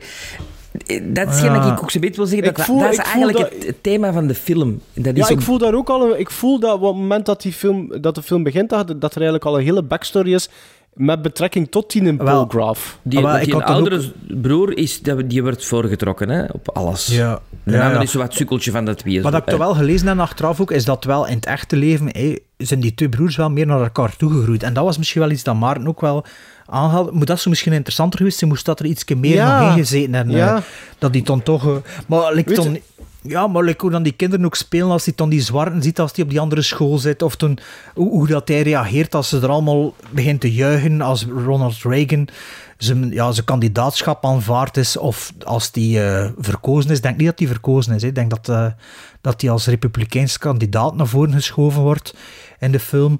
Ehm, ja, dat, dat, dat geloofde dat allemaal. Ik vond dat, ik vond dat wel tof dat dat erin zat. En ik vind, ik vind ook die kinderen spelen ook echt goed, ook met elkaar zonder volwassen. I, I buy it of zo. Ehm, natuurlijk, de dingen, like dat ik zei, de, de graffiti font en toen de dingen over Sugar Hill Gang. Ik dacht, ja, die gaan naar- een Sugar Hill Gang concert gaan. Maar dat zat er tot, totaal niet in. Dat was wel een beetje zo'n een, een curveball voor mij. Dat ik dacht van, ah, oké. Maar ook wel... Het klopte wel dat dat niet gebeurde dan. Allee, dat is niet echt een spoiler. Dat, dat, dat klopte dan wel. Maar zoals bij, dacht ik achteraf, bij al James Grayson films en de derde act verliest, eh, verliest de film. hè. Dan gaat het te snel, er zijn te veel incidenten, het moet allemaal zo wat rapper gaan en het is misschien niet nodig. Het is misschien beter voor iets minder of iets meer gefocust te zijn. En dan lijkt dat hij toch wat meer doet in die film, en in andere films ook, sommige personages gewoon te laten weg hebben het verhaal, dat niet iedereen, alleen niet iedereen net, maar allee, sommige personages die dan zo'n afgerond geheel, dat voor mij niet echt zo moeten. Die mogen, zo van mijn part gewoon het verhaal mogen verdwijnen, die er een momentje had in de film, en misschien dan toch terug rond dat centraal thema van, Ja. van het gezin terugkoppelen in de derde want, act. Want eh, want eigenlijk, eh, de, de main storyline over het jongetje Paul Graf heeft eigenlijk weinig tot niets nog te maken met, met wat dat de, de, zijn ouders en zijn grootouders is overkomen. Het wordt echt toegespitst op zijn, op zijn vriendschap met, met, eh, met een jongen met een andere huidskleur. En dat vond ik een beetje jammer, want doorheen de film wordt er vaak gehint van... eh, stel dat er iets met ons zou gebeuren, dan ga jij er sowieso goed uitkomen. Because you're the, the rich white kid and I'm the black kid. Ehm, die in armoede leeft of die, waar dat er anders naar gekeken wordt. En het, ja. En ik miste, ik miste precies nog, ja, maar dat, dat heb je natuurlijk met een autobiografische film, maar ik miste precies nog iets als kijker, een soort van verrassingselement daarin nog. Ehm, dus ja, ik, ja, het is een goed, het is een oké, goede speelfilm, maar ja, ik, maar ik denk Sven dat jij die beter, ik vind, jij zit positiever denk ik, voel ik. Ik vind, maar ik vind dat Bart heel positief is ook en dat- stemt mij eh, blij. Ehm, ik had al heel snel waarover dat die film, eh, wat dat eigenlijk het hoofdthema is van die film. Omdat, heel toevallig, een paar maanden geleden heb ik het er nog met Brian Clifton trouwens over gehad. Over heel het schoolsysteem in Amerika. Dat dat eigenlijk fucked up is vanaf dat Reagan aan de macht is gekomen, is dat systeem, en je voelt dat hier nou ook al dat er ont, ont, ont gebeuren is, de verdeeldheid in opvoeding en de kansen die je krijgt eh, in, in opvoeding op school zijn extreem ver van elkaar. Je hebt ofwel inderdaad die private schools, waar dat toen aan het opkomen was, waar dat echt zo... Hè, me- meer mensen die hun kinderen naar de private schools, die het konden betalen, of de public schools, waar dat echt... Ja, waar dat geen subsidies meer voor zijn, waar dat er dingen worden afgeschaft, waar, dat, dat ze echt zo, ja, bijna kinderen aan hun lot overlaten. Dat is daar eigenlijk begonnen en nu schijnt dat echt schrijnend te zijn zelf. Dat, dat, dat, dat, dat, is, dat is zeer erg na in de States. Ehm, en ik denk dat, dat, dat James Gray dat ook wil aankaarten als een soort van aanklacht van wat er nu aan de hand is in de States, dat die grondbeginselen zich daar bevinden. Zeker als ze dat op een gegeven moment, ik kon het niet spoilen, ik vond dat het moment van de film, waardoor dat ik de film op pauze heb gezet en, en direct ben gaan zoeken van, klopt dat? En dat klopt dus. Wie dat die personages zijn die ineens in die private school worden Ja, dat geïntroduceerd. is, dat is echt gebeurd en geparaf, Mhm. geparafraseerd door Ah, de regisseur. Wat je zat daar. Ah, wel, maar wat dat daar gezegd wordt, ja, actueler kan het niet zijn dan dat, hè. Dat Nee, is ja. onwoord. Ik, ik, ik krijg er kiekenvlees van en, en van, wauw. Allee, ik bedoel, en dat is volgens mij ook de speech die dat Hopkins dan geeft eh naar, naar zijn kleinzoon. Van, eh, ehm, Die, als- die scène waar dat hij het heeft over mens, dat vond ik Mens, wel ja. fantastisch. Dus dan- dat vond ik moet echt een fantastische scène. want voor hetzelfde chemie tussen geld... die twee zat toch wel juist, hè? Fantastisch, Allee. fantastisch. Mhm. Hè, je moet opkomen voor iemand, want voor hetzelfde geld gaat dat bij jou ook gebeuren. Hè, en als je je rug draait, steken ze Ah, een mes in je rug. Ja, en dat, was was zoals die scène met die raket al brand. scène. En Wat dat is toch ook zo de, de classic van eh, When they came for the Jews, I didn't speak up because I wa- I'm, I'm not a Jew. When they came for the blacks, I didn't speak up. En toen is eh, eh, because I'm not black. En tot and when they came for me, there was no one else to speak up for me. Also, dat, is, dat is een beetje dat principe. Zo, hè. Ja, Die, en dat eh, is wat er nu aan de hand ook is hè, in, de, in, in de States. eh, eh, ehm, nog meer dan daarvoor. Eh, ik vind ook heel, heel, heel straf dat de, Hopkins speelt dat voor mij fantastisch. Alhoewel dat Hopkins een, een Welsh is, maar die speelt daar een ongelooflijk met een New Yorks accent. Fantastisch. Ja, Ehm, viel me ook op. En Hathaway ook een van de, van de beste dingen die ik zal heb zien doen. Ja, Eh, wel, ik, ik, ik, vind dat, ik, ik vind dat, ik was daarover aan het denken toen ik Armageddon Time zag. Ik zei van, ja, Anne Hathaway, die was zo... Die is precies zo'n beetje weggedemsterd. Maar te oud geworden weer, hè, even zo, voor de rol. Ja. Die had toch zo Rachel Getting Married en The Devil Wears Prada en zo in die Ja. periode zo Ja, wat. en dan Les Miserables. Is het toch? Hè? Ja, dat is dan die Ja, was toch wat ook, de laatste, da- dat is ook al eh, tien toch jaar ook. Batman, alleen toch ook Catwoman geweest. En voor, een- ja, van- maar zij heeft toch een Oscar, heeft tegen een Oscar gewonnen voor Les Miserables, Anne Hathaway? Dat weet ik niet. Volgens mij wel, niet. volgens mij wel. Ja, maar die- is dat niet zo? De hoort dat toch? Allee, die is toch een beetje van... Ja, dat is zo bij de Sandra Bullock voor daar een tijd. Hè. Die komt na terug, denk ik. Ik denk dat hij na zo wat terugkomen is. Oké. Eh, ik, vind die, ik vind die goed. Die was Dus ook ik- goed. Dus dat, ik vind dat... Ik, en, en inderdaad, gelijk dat Bart zegt, dat is zo'n film die je niet veel niet meer ziet. Zo'n speelfilm, zo'n een, een film die, waar ik van denk, oké, een uur 54, maar ik heb geen minuut het idee gehad, amai, is dat nog niet gedaan? Dat je blijft erin zien, Ja. als een soort van weekendfilm.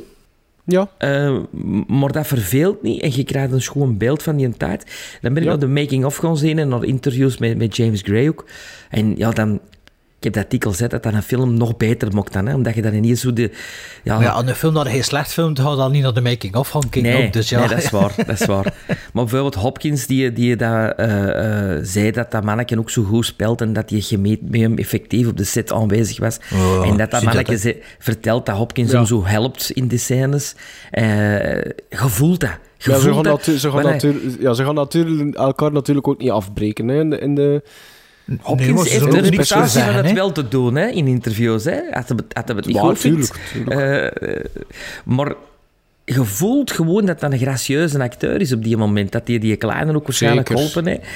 Ehm, en, en dat James Gray effectief zegt in een interview dat ze vooral dat al heel lang in mijn achterhoofd zit. En dat die hele tijd ontborrelen is geweest en ontrijpen is geweest. En met het ding, ik moet dat ooit eens vertellen. Ik moet dat ooit eens vertellen. Hij zei, ik wou die film twintig jaar geleden al maken. Maar nu was precies de moment zetten van, ja, nou, kan ik dat vertellen? En, en dat, vind, dat op zich vind ik dan ook heel schoon, dat je zo op een gegeven moment je ei kwijt moet, een verhaal moet vertellen, maar inderdaad, geen verhaal met ontploffingen of dit of dat, maar gewoon... Ja, Maar dat heeft zeker bestaan, zegt hij. Begrijp me niet verkeerd. Hè. Ik vind dat, dat dat is absoluut heel adequaat gemaakt. Hè. Hij zegt de reden waarom dat dat ze- gemaakt heeft, is omdat zijn kinderen vragen hem altijd van, en over zijn grootouders en over zijn... En hij zei, en op een gegeven moment ga, ga ik dat verhaal, of gaan mijn kinderen dat verhaal niet meer verder kunnen vertellen en wou ik iets maken dat blijvend was, als een soort van... En dat vind ik fantastisch. Nee, dat op vind zich, ik ook vind heel mooi. ongelooflijk. Absoluut, absoluut. Absoluut heel mooi. Maar het feit dat dat inderdaad een autobiografisch en iets heel persoonlijk is, heeft zijn restricties, hè? Ja, het mij nog het meeste denken aan de Bronx Tale. Eh, het, het, waar dat Chas Palminteri zijn eh, eh, verhaal in vertelt. Van, eh, en ook zelf in meespeelt trouwens. Heb je dat ooit gezien met Robert De Niro? Ja, ja. En wel, dat is zo wat, dat soort film, vind ik. Zo, Ja, die heb ik nooit gezien. Maar ligt hier wel op DVD. Nee, Ah, ligt hier oké. op DVD al jaren. ze- een zeer mooie film. Ja. Maar ook zo dit soort film. Ja, maar met meer maffia, hè. Ja, Ja, maar allee, ook dat, niet dat, heel was mijn understanding ook vind ik. Wow. Maar ja, ik heb er al gezegd met Goodfellas. Hè. Goodfellas Het is en Tale. Ja, maar soms gaat dat bij mij een beetje... En dan klopt dat een beetje met elkaar Ja. over, die twee Ja. films. Oké, Okay, ja. dan ja. maar, hè. Ja. we hebben het er red- redelijk lang over gehad, over Armageddon Time. Ja, ik weet het niet. Ehm, Hoe, je weet het niet. maar Ja. jawel, ik weet het wel. Het is misschien Ah. een, een strenge 6,5, maar ik, ik, ik, ik was zo soms... Ik was een beetje aan het twijfelen, ah, maar ik, ik, ze- 6,5. Oké, van mij zes gizmos. En voor mij zeven. Oh, wat- wat- wat Paul ertussen. The United States stands for an idea whose time is now. Ronald Reagan will win tonight. What a schmuck. I want to be an artist when I grow up. You're gonna be an artist if you want to be. Nothing's gonna stop you. You're going to college. He'll have dinner with kings if he plays his cards right. Mm. I really like your stickers. My stepbrother gave them to me. He's in the Air Force. That's so cool. How dare you! A menace to you! Well, you're not to associate with him again. What do you mean? Why? In de categorie Oud Oud Classic eh, hebben we gekozen voor The Most Dangerous Game uit 1932. Met onder andere Fay Ray, best gekend nog altijd eh, van King Kong, in de hoofdrol. Die slechts 63 minuten duurt. En ehm eh, The Most Dangerous Game, zoals dat ik twee afleveringen geleden al verteld had, heb, denk ik, is de eerste adaptatie van een kort verhaal uit 1924, waarvan eh, ja, dat bronmateriaal eigenlijk gebruikt is voor superveel adaptaties, afhankelijk van hoe los dat het bekijkt. Eh, het vertelt het verhaal over eh, een schipbreuk, waarvan dat er maar één overlevende man aankomt op een eiland. En wat Aangespoeld. blijkt... Aangespoeld, kijk. Ja. Nu is de cirkel rond, Sven. Ehm, en die man, eh, eh, blijkt dat er daar een excentrieke eigenaar in een soort van château woont. En daar is iets niet pluis, want die man eh, is altijd op zoek naar de latest thrill als jager. En blijkt dat hij nu iets anders gevonden heeft dan dieren om op te jagen. Ja, 63 minuten. Bart? 63 minuten, ook op YouTube. Ook op YouTube te vinden, op goede kwaliteit. En dat is ook waar ik de film gezien heb. Ehm, dus 63 minuten, dus je kunt al niet veel verkeerd doen. Of 63 minuten, denk ik dan toch meestal. Ehm, de, film, de, film begon, de film is van welk jaar? 32. En wel, En ik dacht eigenlijk dat eh, dat een stomme film was. Dus ik was aangenaam verrast dat het niet met pancartes begon, maar dat het met klank en dialoog was. Heb jij de colored version of de black and white version gezien? De black and white. Black and white was de beste kwaliteit, denk ik. Oké, er is ook een colored version op YouTube. Oh ja, ja, nu ik de zwart-wit film gezien. Ehm, en de film begint en het valt me eigenlijk heel direct op dat het niet echt old-timey geacteerd is. Ik vond het redelijk eh, vlot, en, nou ja, zeker al niet voor 1932, maar het kon evengoed in 1950 ook fris geacteerd aanvoelen. Ik vond... eh, Heb je wel de- meer in de jaren 30 films, vind ik zo. Hè? Die Fritz Lang, die Fury, had dat ook, hè? Ja, wel, het is een beetje te zien of dat voor de Heinz Code is of niet, denk ik soms. Maar het verschil is heel snel heel groot tussen die films. Je hebt Ja. inderdaad dus een, een, een, waar dat je een soort naturel hebt, een modernere naturel. En een, ik zeg daarom niet dat de andere, waar dat je nog voelt dat die uit de, de, eh, de silent era komen, dat die daarom slecht zijn, maar je voelt wel heel duidelijk het verschil Nee, maar, direct maar in de wat productie. ik ook wil zeggen is dat er soms films van tien jaar later nu zo zijn, eh, dus jaren 40, dat dat toch zo iets Ah, ja, ja, ja, ja. ouder, geact, ouder geacteerd is. En hier vond ik dat eigenlijk redelijk, allee, de dialogen zo op die boot, allee, voor de, voor de, voor de schip, schipbreuk, zo, dat voelde wel, allee, he- hedendaags niet, maar dat ging zo wel. Dat, Er zat er wel een, een ritme in en zo. En eh, dat, dat voelde me direct op. Ik dacht van, oké, dat, dat gaat hier precies wel vooruit. Ook, allee, is maar een uur, maar ehm, ik was eigenlijk heel snel mee. Ik was heel snel aan boord. Ehm, ja, dank. I'm here all week. Ehm, ik was heel snel aan boord. En ook zo de, de visual effects. Met zo, ja, dat klopt hier niet, die navigatie. En, en ik, ja, ik vond dat... Ik was... Ja, ik zeg het. Ik, ik zat er snel in, in de film.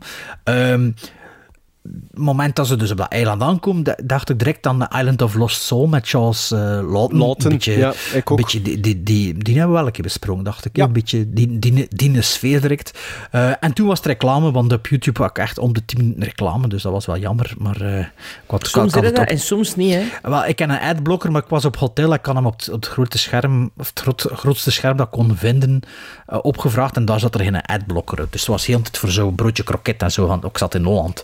Heel de tijd Hollandse reclame. Maar, ehm maar dus dan zitten eigenlijk vanaf dat moment zitten met uw drie leads. hè. Eh, John McCrea. Joel McRae. Joel McRae, ja. Crea, Joel. McRae. Joel McRae, Fay Ray en Leslie Banks. En Leslie Banks. Leslie Banks is de slechterik van het verhaal. Ehm, dat was volgens mij een van zijn eh, eerste eh, credits, als ik me goed herinner. Ik heb het niet genoteerd, maar ik heb dat wel gelezen. Speelde ook mee in de originele The Man Who Knew Too Much van Hitchcock en in Jamaica's in, Jamaica in. Ook een en beetje speelde wat mee... dat, dat deze film doet denken, Jamaica in. Ja, ik heb hem maar één keer gezien en dat is twintig jaar geleden. Eh het speelde ook mee in eh When Today Well. Dat is een film dat ik onlangs gezien heb. Maar ik weet niet of ik die in de podcast besproken maar ik heb er wel iets over gezegd tegen jullie. Over het eh, Inglorious Bastard ding dat er Ja. letterlijk Ah, in ja. zit. Over de, de cijfers met de vingers. Dat is eigenlijk ook een plot device in When Today Well.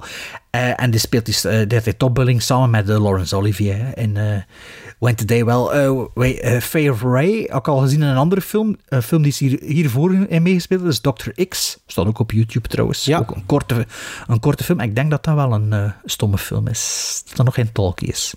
Ah, is, maar is Fay Ray ook niet de King Kong met hem? Ah, Ja, ja, dat, ja, ik dat gezegd. gezegd. hè. Ja. En toen hadden we natuurlijk hè, Joe Cray, McCray, eh, die Bob speelt. En die speelt de lead in Person Sturgis, Sullivan's Travel en Hitchcock's Foreign Correspondent. Die heb ik alle twee gezien. Moet nu niet zeggen dat ik hem herinner. Maar ik wil maar zeggen, dat zijn toch drie acteurs die daarna nog dingen gedaan hebben en die mij hier in deze film ook wel wisten te overtuigen eh, met, met een spel eh anno 1932.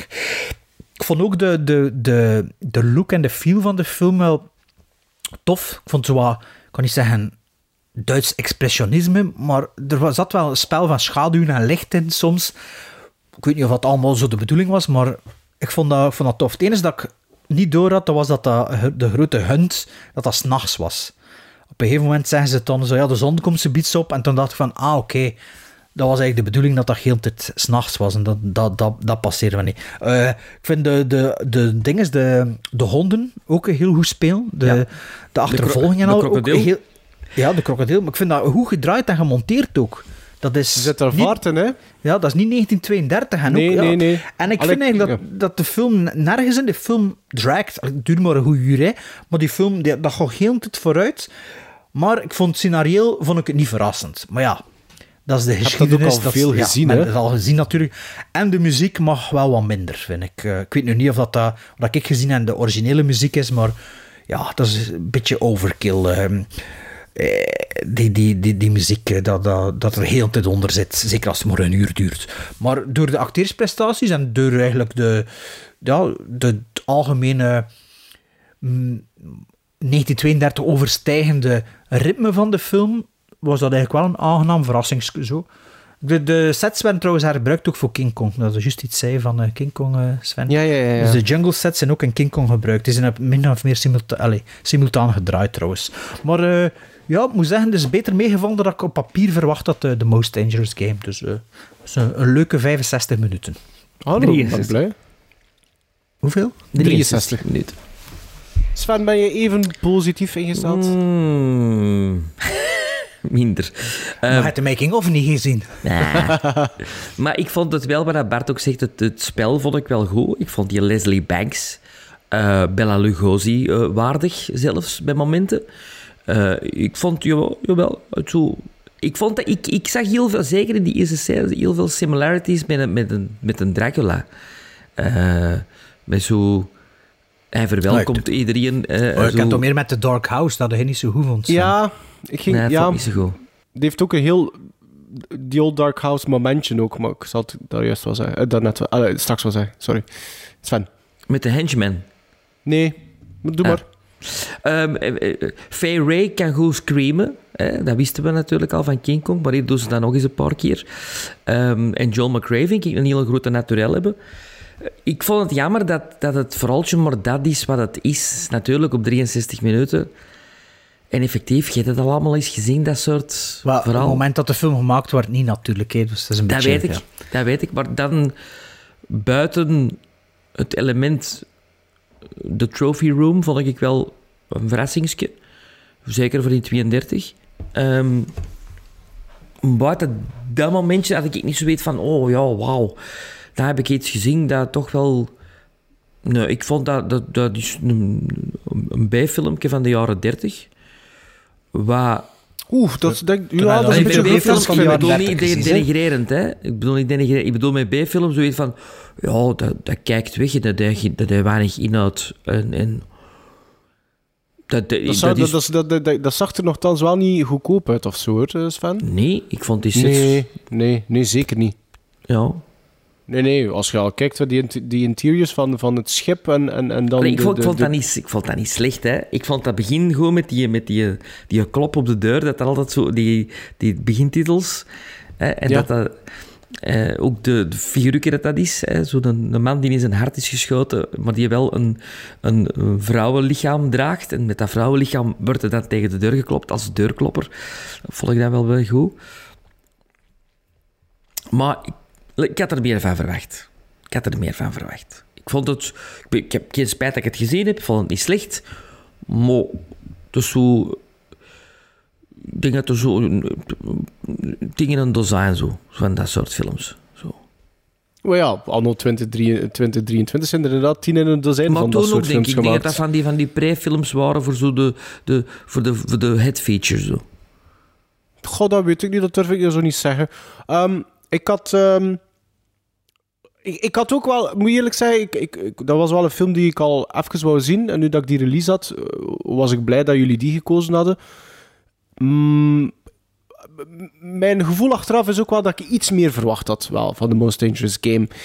Uh, hoewel, ik vond dat eerste shot vond ik heel, heel goed. Het allereerste shot, omdat ik dacht van, amai, ik ben naar een beeld aan het kijken, maar dan doet de camera zo'n beetje een, een travel naar achter en blijkt dat dat iets helemaal anders is.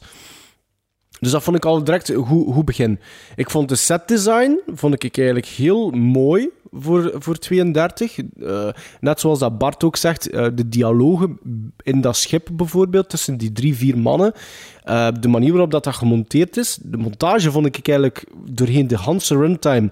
mm, De pacing en de montage vond ik eigenlijk wel redelijk straf voor 32. Eh, vond ik heel goed. Het, de, het, het, het, die old dark momentje is wanneer dat het schip vergaat. Net zoals dat... Man en muis, net zoals de Marie-Louise. Ja, eh, behalve één dan.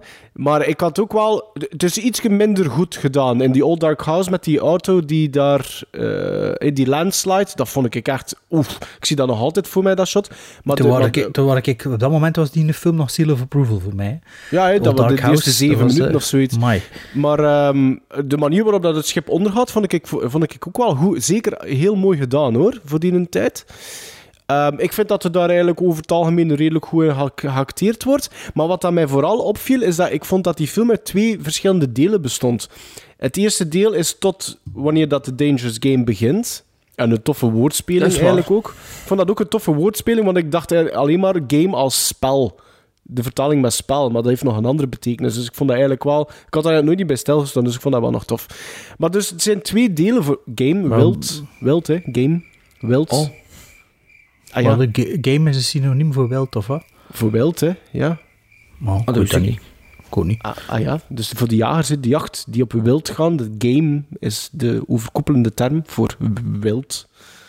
Oh, Oké, ja. voilà, dan val ik eens aan, jongens.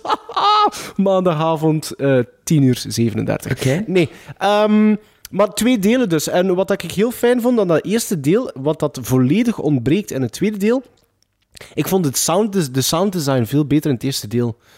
Ehm, veel Minder meer, muziek, hè? Veel minder muziek, klopt. En veel meer sound effects. Wat dat ik veel, veel beter vond werken dan in het tweede deel. Ehm, introductie van die Count Zarkov, wat dat ook, geloof ik, de, de, de officiële alternatieve titel is of zoiets eh, van The Most Dangerous Game, vond ik goed. Eh de enige wat ik, die, die ik niet af kon, was die een eh, Robert Martin, denk ik dat zijn naam is, die die een zat, eh, zatlap Oh, nee, speelt. nee, dat vond ik, nee, dat vond ik echt niet goed. Oh, dat ik vond vond ik niet goed. Dat vond ik een carica Maar bij de trivia van IMDB stond er wel iets bij dat er met een, een idee achter was. Maar dat had ook te maken met de prohibition op dat moment, met de drooglegging. Ah, ja, ja, ja. ja, ja. Ja, dat, Ja. Is, allee, dat, is meer, dat betekent meer dan dat wij nu nog anno 2023 door hebben. Een beetje like Mickey, ja. Mickey Rooney in Breakfast at Tiffany's. Zo. Met zijn Wat ik wel niet met die film, er zijn zo drie henchmen. Of, allee, ja, zo, ik kon dat niet door, omdat dat drie verschillende waren. de- Ik dacht dat dat er was, en dan Ja, dat dat er en plots dan er drie. ja, ik kon dat niet door. Maar ik vond eigenlijk het, het, het, het verloop van het eerste deel vond ik jammer genoeg een beetje beter dan het verloop van het tweede deel.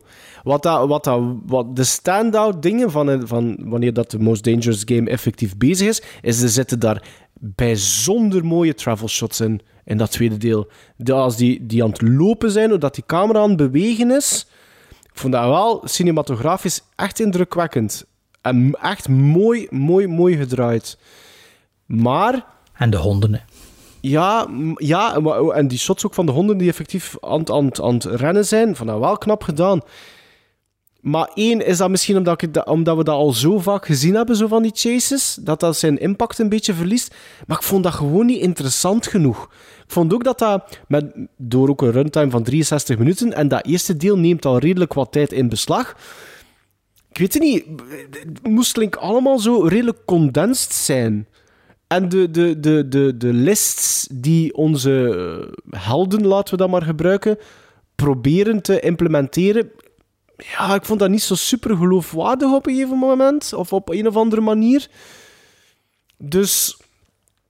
Ja.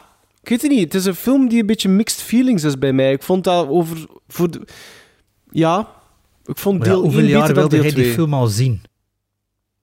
Ja, ik, ik, ik, ik weet van het bestaan van die film toch al een jaar of 10, 15, denk Oh, ik. ja, Dus, voilà. Ik twee weken, dus ja. ja, oké.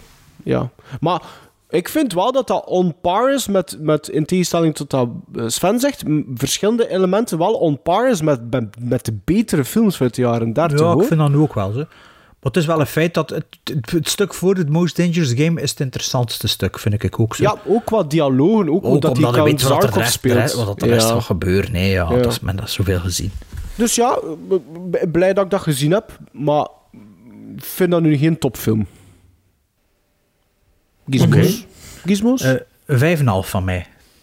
Oké, Sven? Zes. Oh, ik geef dat net een 6,5 ik wel. Voilà, ze, de zijn zo verdeeld dat ze zo verwachten dat ze verdeeld zijn, de gizmos. Maarten heeft meeste. Mr. Rainsford need never explain who he is in my house. No? No, we entertain a celebrity, Miss Trowbridge. Wait a minute, wait a minute. Don't tell me. Let me guess. I know. Flagpole sitter. Oh, flagpole sitter. I know, he wrote some books. No, he lived some books. If I am not mistaken, this is Mr. Robert Rainsford, who hunts big game so adventurously. Huh? Yes, do you? I've lugged the gun around a little. I've lugged the gun around a little. No, I have read your books. I read all books on hunting. A papyrosu? Thank you. Only in yours have I found a sane point of view. What do you mean, sane? Cigarette? Hmm? Yeah, thanks. You do not excuse what needs no excuse. Now let me see, how did you put it? Hunting is as much a game as stud poker, only the limits are higher. You have put our case perfectly, Mr. Rainsford. Well, then you're a hunter yourself. We are kindred spirits. It is my one passion. De film die gekozen werd voor het, eh, de afdeling Cult, Cult Exotisch valt onder exotisch, want het is Italiaans of Spaans of Frans of ik weet niet wat allemaal. Eh Cult of Cult, dat zal moeten blijken. Dus Glee Specialisti, a.k.a. de specialist, a.k.a. de specialist, a.k.a. le specialist, a.k.a. Drop Them or I'll Shoot, a.k.a. In het voetspoor van Django van Sergio Carbucci uit Ah, ja. 1969. Een film van 104 minuten. Eh, toch de versie die ik gezien heb. Met onder andere, en met in de hoofdrol, Johnny Halliday, die toen 24 was of zo. Gaston, mm, eh, Ga- eh, wacht even, in het Italiaans moet dat dan zijn. Gastone Mochin, of toen zei dat dan de Jood was. Dat is Fanucci in The Godfather 2. Dat is de man die gevolgd wordt door Robert De Niro op het dak, terwijl dat hij tussen de, met de Maria-beeld rondloopt. Hij speelt ook mee in Il Conformista. Hij speelt er nog een meer Françoise Fabienne en Gino Pernis, zijn de bekendste namen die ik eh, uit de lijst gevest heb. Waarover gaat de specialist, een, eh, een gunfighter met een Malian kolder. Eh, eh, contents with the sheriff. Hmm, wat wil dat zeggen, contents? Ja, had de confrontatie aan met een sheriff, een bankier, een bandiet, een businessman of businessmannen en, eh, en hippies, terwijl hij zoekt naar het geld dat zijn broer, eh, zijn ge- gelynchte broer, zogezegd gestolen heeft. Is dan een beetje begrijpelijk wat ik gezegd heb? Het is, dat- het is ongeveer hoe dat het geportretteerd wordt in de film, denk ik. Ja, voilà. Dus eh, er is een, een, een gunslinger die eigenlijk zijn broer, het geld van, dat zijn broer gestolen heeft, wil gaan, gaan, gaan eh, terug, Wreken. terug, terugvinden en zien wat, uitzoeken wat er gebeurd is. En wreken. De wrekers. De zeven wrekers. Ehm, deze film van Sergio Garbucci staat ook volledig op YouTube, waar Sven hem gezien heeft zonder ondertitels. Dus eh, Sven had gevraagd om niet te mogen beginnen met zijn uitleg. Want normaal gezien is het aan Sven om te beginnen, maar uh, Maarten had zich uh, Chinees vrijwilliger gesteld om dat dan toch te Ja, moeten voor- doen. maar Oh ja, Dus we zijn wel- we zijn Sven, wel met Sven, ook, hè? hij volgt, hij volgt op Maarten. Ik Ja, ja, ik heb kunnen volgen ook, maar het was wel zonder ondertitels. Ja, Chinese vrijwilliger met drie, waarvan dat er één de intro doet en de ander niet wil beginnen. Ja, dan kom ik al rap aan de beurt natuurlijk. Ehm, Vandaar Chinees. Ja. Ehm, de specialists. Ehm, een beetje sceptisch begon ik daaraan. Omdat...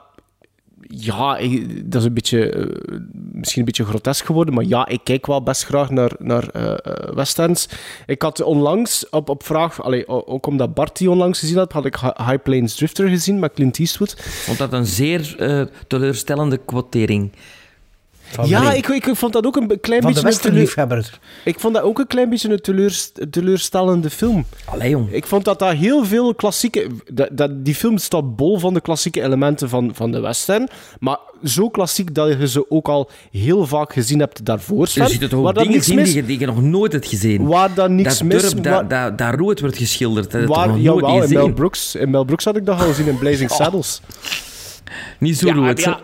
Ja, maar ja, ik, ik zeg maar, ik had dat wel al gezien. Wat ik grappig vond, hè, want, want toen dat ik het zag, dacht ik, amai, dat is wel cool dat dat daaruit waarschijnlijk voortgekomen is. Ik vond dat wel tof. Maar het is zo klassiek en al de klassieke elementen zitten erin in High Plains Drifter. En ik vond dat dat tempo niet altijd even goed zat. En, eh, niet goed zat. En vooral, die film duurt te lang, dat is één. En twee, die flashback scenes zitten verkeerd in de montage en duren echt veel te veel te lang. Maar het is niet die film dat we gekeken hebben. Nee, dit is een specialist. Maar dus ik was, daardoor was ik een beetje sceptisch, omdat dat nu de tweede western is op denk ik een week tijd. En ik dacht van, oké, een Italiaanse van Sergio Corbucci, wie dat ik ken van Django, eh, vooral. Ja, Navarro, Navarro Joe.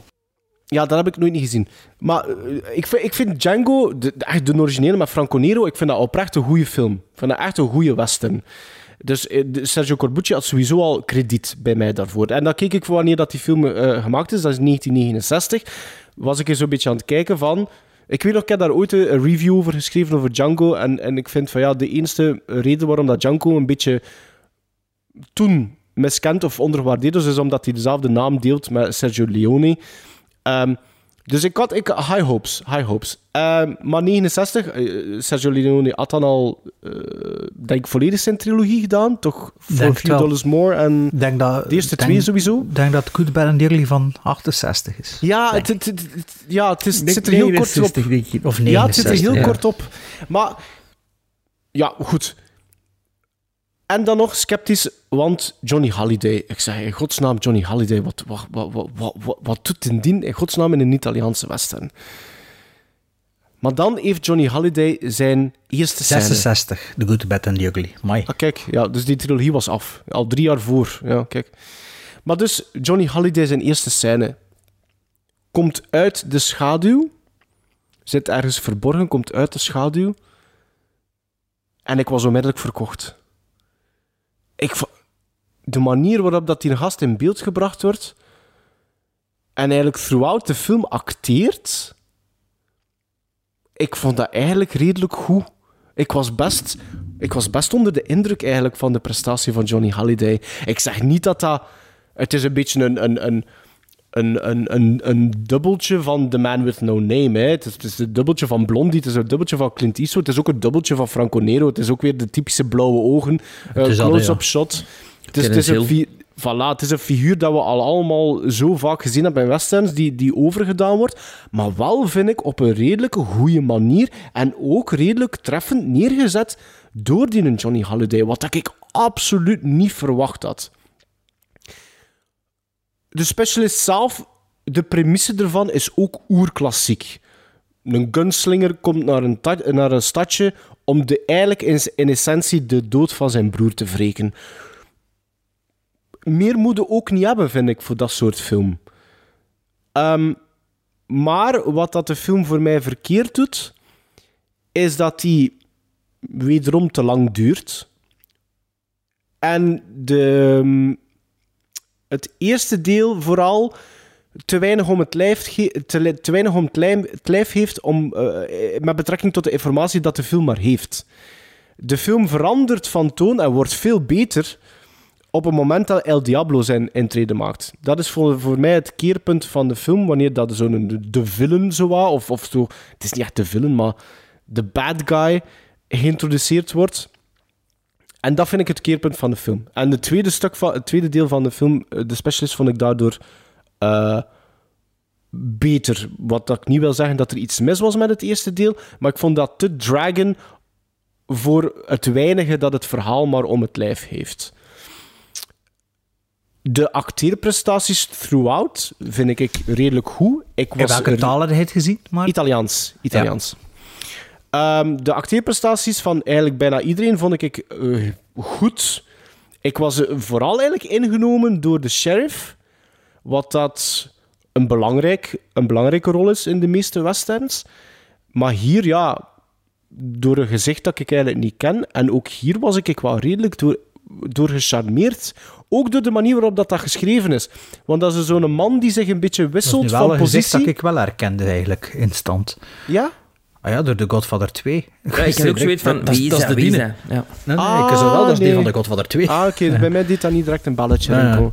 Maar ik vond dat wel interessant, omdat de invulling van de personage en de, mani- de, de, de, de rol, hoe dat, dat geschreven was, de rol van de sheriff hier, kent voor mij andere elementen dan de klassiekere westerns. Meestal is de sheriff ofwel de bad guy, ofwel de ally. En hier schippert hij zo'n beetje ertussen. En hij gaat dan zo'n beetje mee met Johnny Halliday.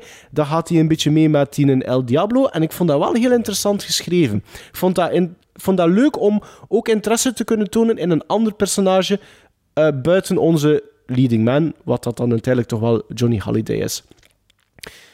Naar het einde van de film toe weten wat dat er gaat gebeuren. En ik dacht van, ah, nu begint de film iets te lang te duren. Vond, ah, nu gaat er dan nog een scène komen, gaat er nog een scène komen. Maar dan plots is er de scène waar dat Johnny Halliday nog een keer naar buiten gaat. En ik vond dat echt heel indrukwekkend. Ik vond dat echt heel mooi, eh, mooi gedraaid.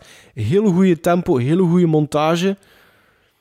En wat is het laatste dat ik nog zou kunnen zeggen over de specialist? Eh, Voor die tijd vond ik het, het van jongeren, het feit dat er daar één personage tussen zit die anders is dan de anderen, zonder daarover meer te willen zeggen, vond ik wel redelijk gedurfd voor die tijd, voor 69. Dus al bij al ben ik, denk ik iets positiever dan High Plains Drifter. En ik denk ook wel dat buiten de, de, de, de echte de Clint Eastwood zaken, de Amerikaanse Clint Eastwood zaken, dat ik sowieso meer neig of veel meer fan ben van de Italiaanse spaghetti westerns. Ja, ja, ik ook. Dat heb ik al meer dan één keer gezegd. hè. Ja, ja, maar ik deel die mening. Ik ben ook Down meer fan ervan. liever down and dirty dan Ja, clean en absoluut, Silverado's. hè. absoluut, absoluut, absoluut, absoluut. Dus ja, voilà, dat is het een beetje wat ik wou zeggen over de specialist. Allee, spaghetti, undo Nee. stress. Nee, spaghetti, nee. Eh, ja, ik heb dat dus helemaal in het Italiaans moeten zien, er geen ondertitels waren. Nou, het verhaaltje kon ik wel ongeveer volgen. Ik heb wel nieuwe elementen aangehoord, zo dat ik, nog, dat ik dacht, ah ja, oké. Eh, want dat, die sheriff zo wat... allee, dat was niet duidelijk bij mij. Maar Johnny Halliday, die heeft een look, hè. Dat is ongetwijfeld. Ik weet Maar niet... die heeft de look en die wordt goed in beeld gebracht. Ik denk dat je die niet slecht in beeld kunt brengen. Heeft wel, de, heeft wel niet de fysiek hè, van een, een leading, leading man. Dat, dat is toch een schriel manneken daar in, de, in die Ja, film. maar ja, Niet dat Clint daar iets mis is mee ook is. hè. Ook, hè? Ja. Ik bedoel... Maar Clint Eastwood heeft toch veel meer charisma dan... dan Ja, ja, dan- maar, Ja, ja, maar zijn, zijn, zijn morfologie, allee, zijn lichaamsbouw Nee, ja, is toch oké, eh, ja. Hey, hè. Terence Hill moest ik ook heel een tijd aan denken, op een of andere manier. En Matthias Schoenaerts. Ik zag heel een tijd Matthias Schoenaerts, op een of andere manier. Hoe, hoe hard trekken Speelt die op elkaar? speelt hij toch ook Django, hè? Is Nu, het? nu komt het uit, hè, nu. Ja. Ja, het is, Allee, die reeks, hè. ja, het heeft niet zo goede kritiek gekregen. Eh, Maar dus welke streaming? Dat was exclusieve streaming. Was dat Prime? Ja, Ik weet niet, is dat Prime? Ik weet het niet. nee, nee, dat is, in Amerika is, hier is dat nog niet geweest. Hè. Ja, maakt niet uit. Bon, dus Johnny Halliday en uh, look eh, speelt dat keigoed. Ik, pro- ik, ik heb een probleem. Ik was heel een tijd aan het denken... wa- Waarom hebben die Italianen dat in een tijd gaan doen? Hè? Wacht, laat me even mijn betoog maken. hè. Dus het speelt zich af in Amerika. Ja, Blackstone, hè. Ja, maar Moet je ertussen komen of niet? Hij zegt, laat me niets meer zeggen. nee, dus, ja, ja, Maar ze spreken allemaal Italiaans. Hè? En wat, zullen ja. zien wat voor een klankband dat er pakt, maar ja. ja, maar is er een Engelse klankband, denk je?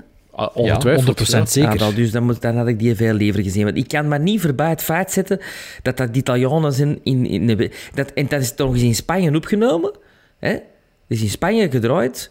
En het zijn het Italianen die het, die het spelen en het moeten dan Amerikanen zijn. Nee. Dan denk ik van, zou dat bij ons ook lukken? Als we nou zeggen van, oh, we spreken allemaal Vlaams en we maken een western. En maar we dat doen moeten, wel dat moeten geen Amerikanen zijn, hè, Sven? Daar, daar sladde de bal al mis, hè. De- western. Allee, Nee, sheriff. Nee. Ja, maar allee, waar, was het, waar was het oude Wilde Westen? Was dat in Italië? Maar, eh, ja, Maar oké, ja, maar dat- dat is- zijn dat is toch heel veel mensen met accenten, hè? Maar, Ja. ja. maar ze spreken wel Italiaans, dat is wel waar. Ja, maar ik bedoel, nee, dat is, allee, ik bedoel, dat, die- die periode speelde zich toch af in, in, in Amerika? Het, Wilde Westen, Westerns, dat was toch ja, niet... maar dat vind ik een kleine... in Dat vind ik, dat, dat vind ik geen struikelblok. Ja, maar goed, dus oké, maar dus als je dat dan hier zou doen, zouden we dat dan ook oké vinden? We zijn allemaal Vlamingen, En het is wel van sheriff en dit en dat. Ja, als dat goed dat dat er vanaf is, van, als dat dat, goed zelfs, wordt. dat zelfs in de Elkerlijk moeten staan. Nee, nee, dat, dat, ging over, dat ging over mensen die dat spelen in een cowboydorp. Maar ik, ik, ik denk, moesten dat nou echt zo... Ik denk, waarom hebben die Italianen dat gedaan? Omdat die geen onderteksten lezen en dat is zoiets hadden. We maken dat gewoon zelf. Dat is toch de enige reden? Ik denk vooral omdat, dat een, omdat er één iemand hem daaraan gewacht heeft op dat moment en dat dat een kassucces was. Ja, maar dat was allemaal in het Engels. Dus Clint Eastwood is nooit in... Clint Eastwood is toch niet in het Italiaans geweest? Maar ja, maar nee, maar dat, dat is dus... Nee, maar ja... Hey, Sven- dat speelt zich af in Mexico, zo gezegd, op het grens, Ja, maar, maar het had verschillende versies daarvan. Hè. Er werd één dub was gereleased, werd, werd gereleased in Italië en de andere dub voor de internationale markt was in het Engels.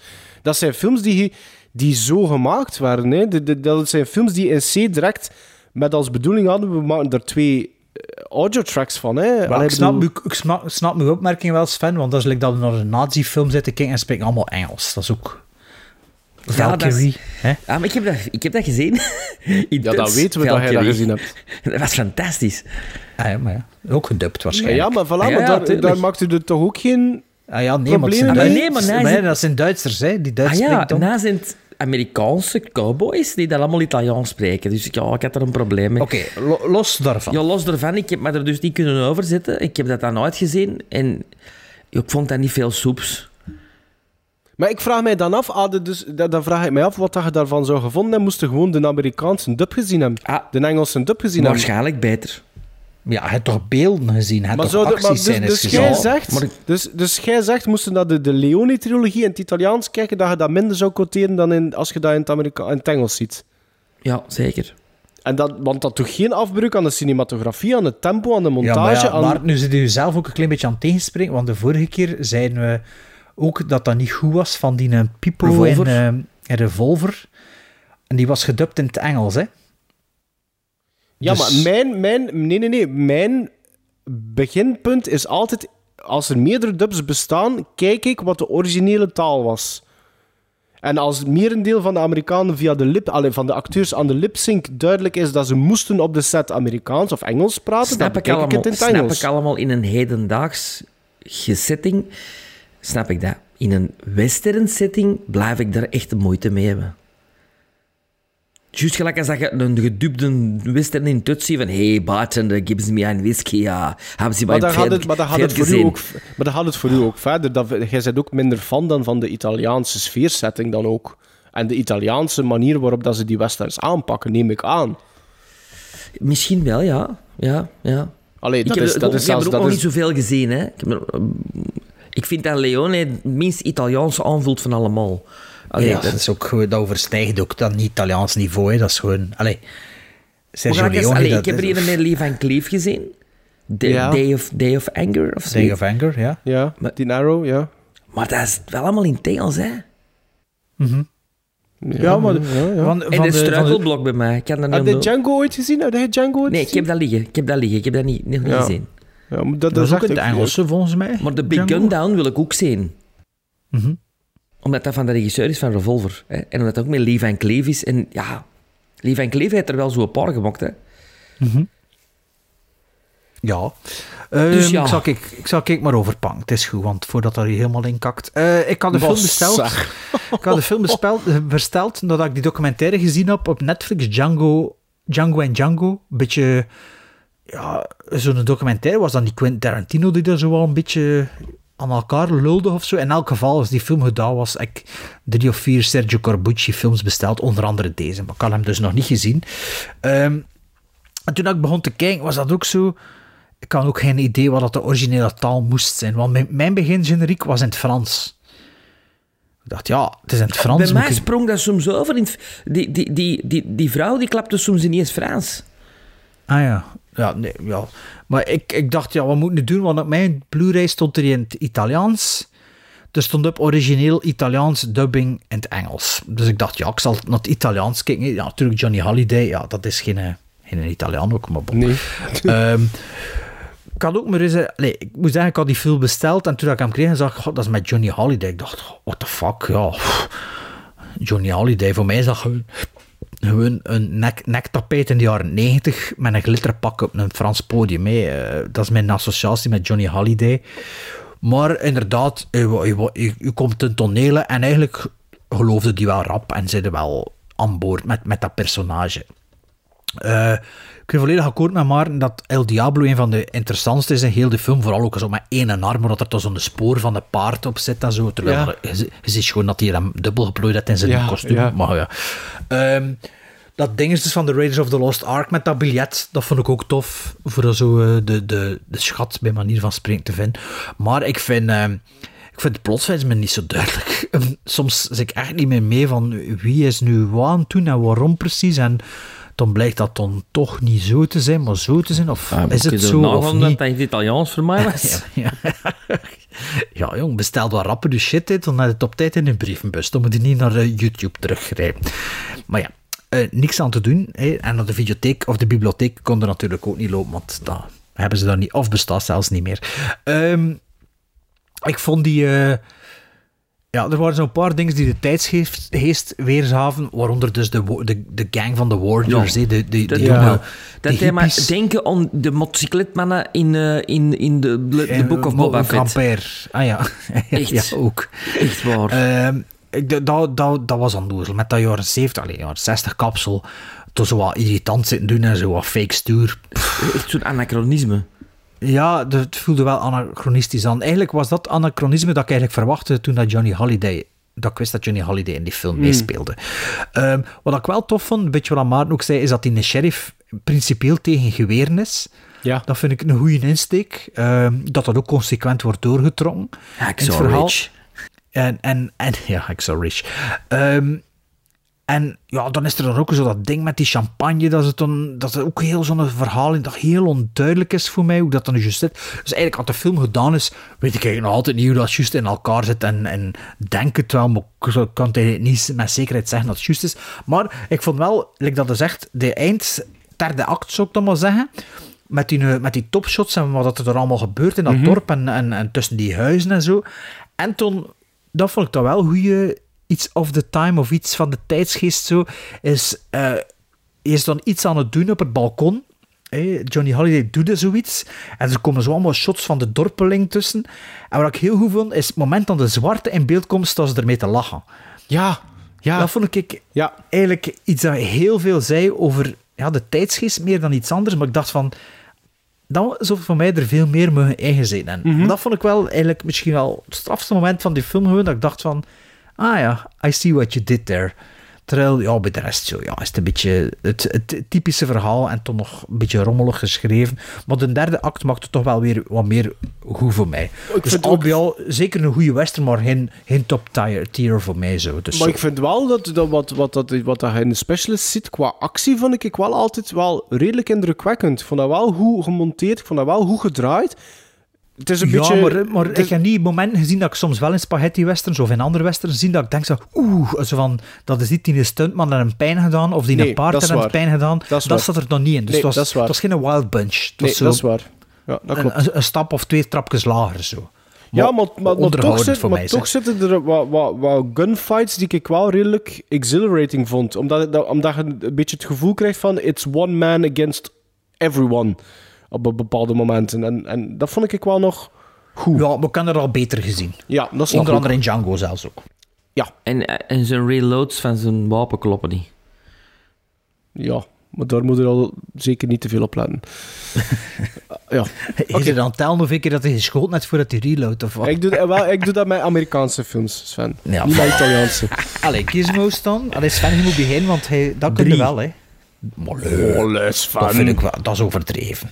Nou, ik vond dat nou niet zo goed, man. Sorry. Ah, maar weet je wat, dat, daar gooi ik er nog een halve bij. Ik geef dat, omdat er, ik vind wel dat er verschillende hele positieve... Ik geef dat net een 7 dan. Oh, Dat vind ik nu ook wel overdreven. Maar Sven, dat, is, dat komt ervan. van die, eh, eh, ik geef wel zes Gizmos. Ja, maar ik geef dat dus eigenlijk 6,5, maar ik geef dat nu een 7 door u, Sven. Ja. Hey, en pas op, ik meen dat echt. Um, ehm, ik zou die film herbekijken ook. Je vindt dat beter dan Silverado, of? Ja, dat wel. Ja, ja, ja. Och, jongens toch.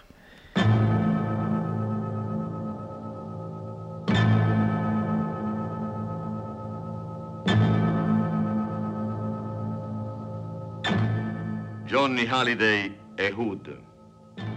La sua specialità è la sei colpi.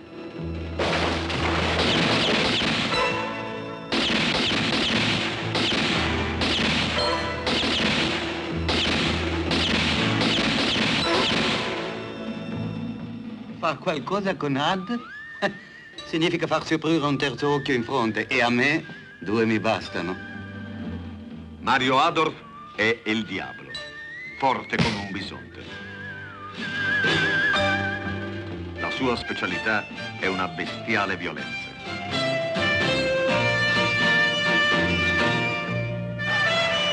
¿Te acuerdas?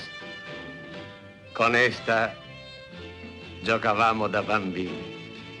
Però poi un giorno un maldito gringo mi tagliò il braccio per il furto di una pagnotta. Tu poi sei andato via a giocare con le pistole vere e io cominciai ad allenare l'altro braccio fino al giorno che tagliai a quel maldito gringo le gambe, le braccia e qualche altra cosa. Ja, mijn excuses aan Jeffrey van Over er juist, want ik, uh, ik was nogal fel op het einde van uh, uw brief die voorgelezen was. Maar het was een beetje voor uh, u af te leiden, want ja, we moeten de volgende aflevering in gang steken. En had er een voorstel gedaan dat we eigenlijk wel goed vonden, namelijk de Melon van Maarten. Maar ik zou ik niet zijn, moest ik, dat niet, moest ik dat niet heromdopen, want de Melon van Maarten, dat wordt bij Gremlin Strike Back niet de Melon... De, mysterie. Nee, wacht, wacht Het mysterie van Melon, maar dat gaan we natuurlijk omdopen naar het Melon Mysterie. Ja, dat hier zou Bart niet zijn. Zodanig dat Jeffrey van Over niet kan zeggen, ja, ja, dat is mijn segment. Nee, nee, uh, Jeffrey van Over die zei het mysterie van Melon, maar wij maken... Bart de Duitse gaan zich Gert Verhulst. Het Melon-mysterie van... Doe Gert Verhulst dan ook of wat met het uh, werk van Jeffrey van Over? Niet nemen. dus, wat doen we volgende aflevering? Ja, we, we, gaan, we brengen traditioneel de hedendaagse traditie, uh, hedendaagse traditie gezien, uh, brengen we elke twee films naar voren nee, uh, binnen het thema mysterie. En het is het mysterie van Melon, het is Melon mysterie, dus... Maar ja, je mag beginnen met je mysteries naar voren te brengen. Hè. Ja, wel, dus... dus mocht, grote... mocht, mocht dus ook, zoals Jeffrey van Over zei, breed geïnterpreteerd worden. Hè. Ah, wel, ik moet eerlijk zeggen van... Um, dus eerst dank nogmaals aan Jeffrey dat ik nu mijn eigen segment ook krijg. Um, ik, heb, ik, ben, ik ben op zoek gegaan naar lijstjes op Google. Op, ik heb gewoon in Google even mystery movies, best mystery movies. Ik heb gewoon mijn kas opengetrokken. Wel, wel ja, maar, maar... Ik heb gewoon mijn verstand gebruikt. Nee, maar wacht. Ik, ik dacht van, waar ik nog zien? Maarten Googles van de kast, ik mijn verstand. Ja, maar het is een combinatie. Het is een combinatie van die drie. Want ik, ik, wat ik vond in de lijstjes was... één film dat ik gekozen heb was best verrassend, maar ik vond dat op twee lijstjes en die zit in mijn collectie.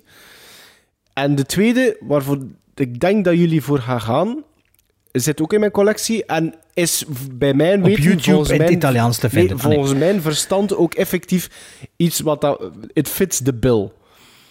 En het zijn twee films dat ik nog nooit niet gezien heb.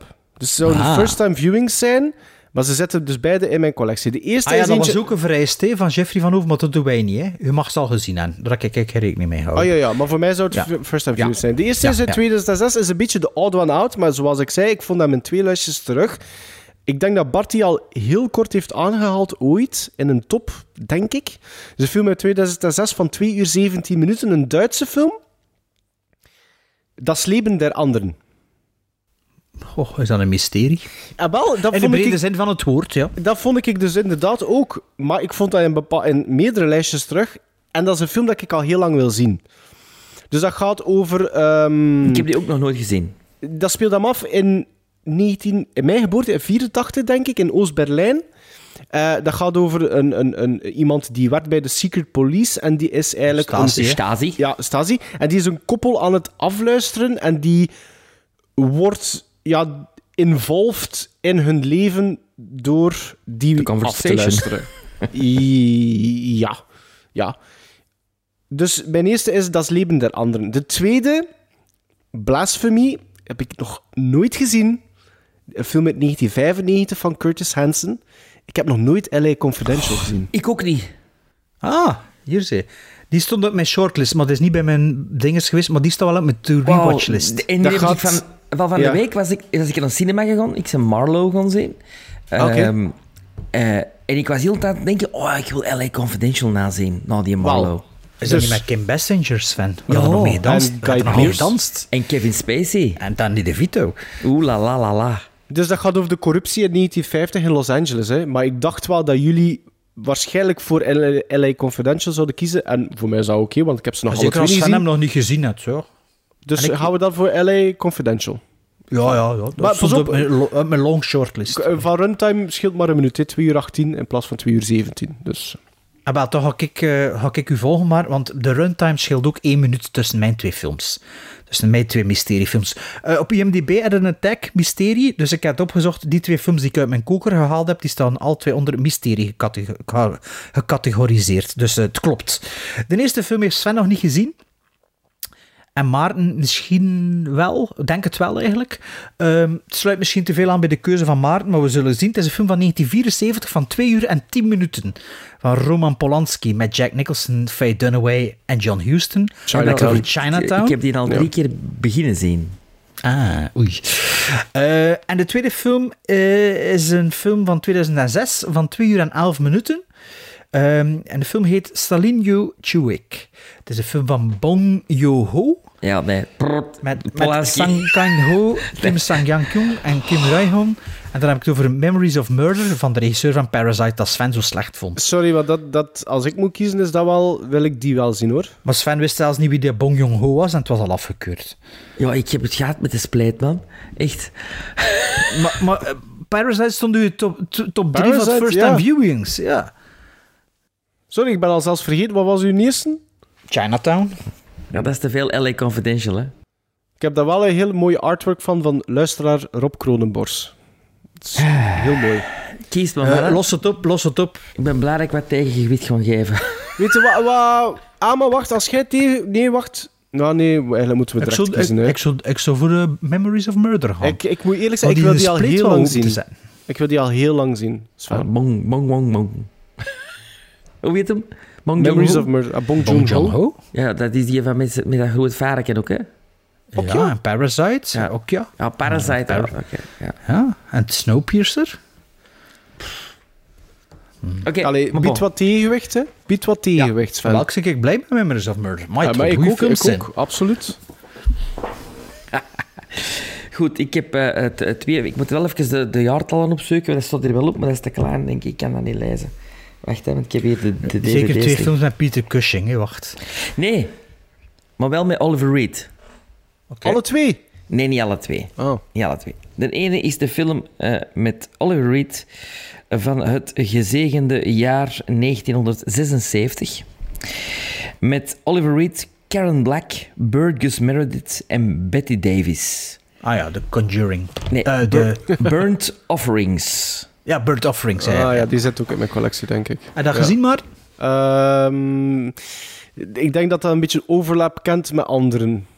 Ja, Maar ik weet het niet zeker. Ik zei- bedoel- bedoelde de Changeling. Bedoel- Ik zei de Heb Conjuring. jij de Burnt Offerings gezien? Ik, ja.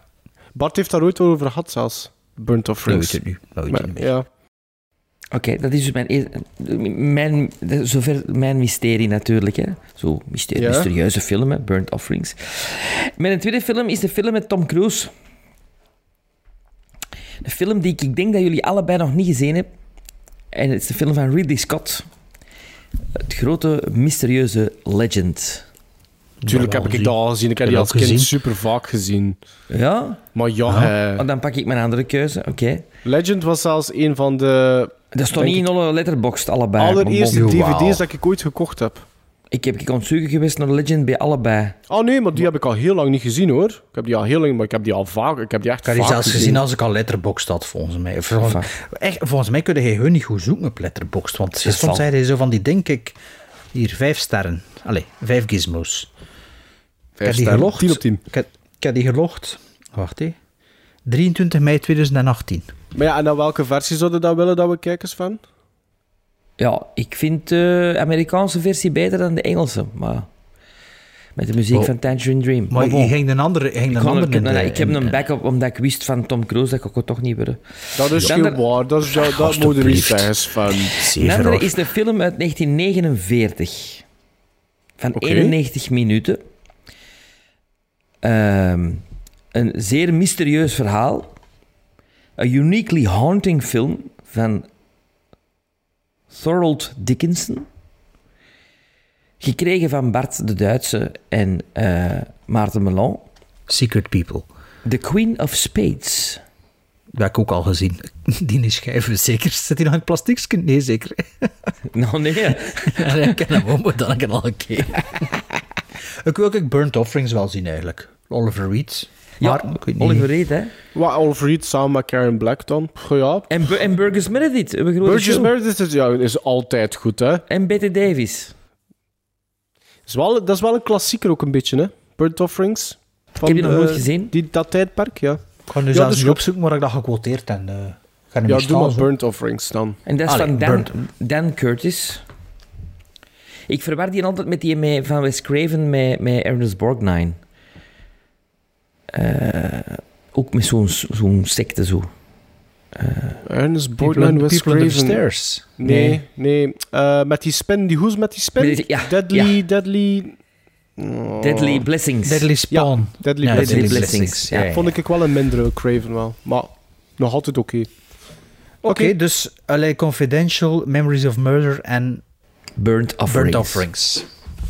Bedankt, Jeffrey van Hoven. Ladies and gentlemen, I'm here tonight to tell you a very strange story. A story so strange that no one will believe it. Maarten Melon Melee!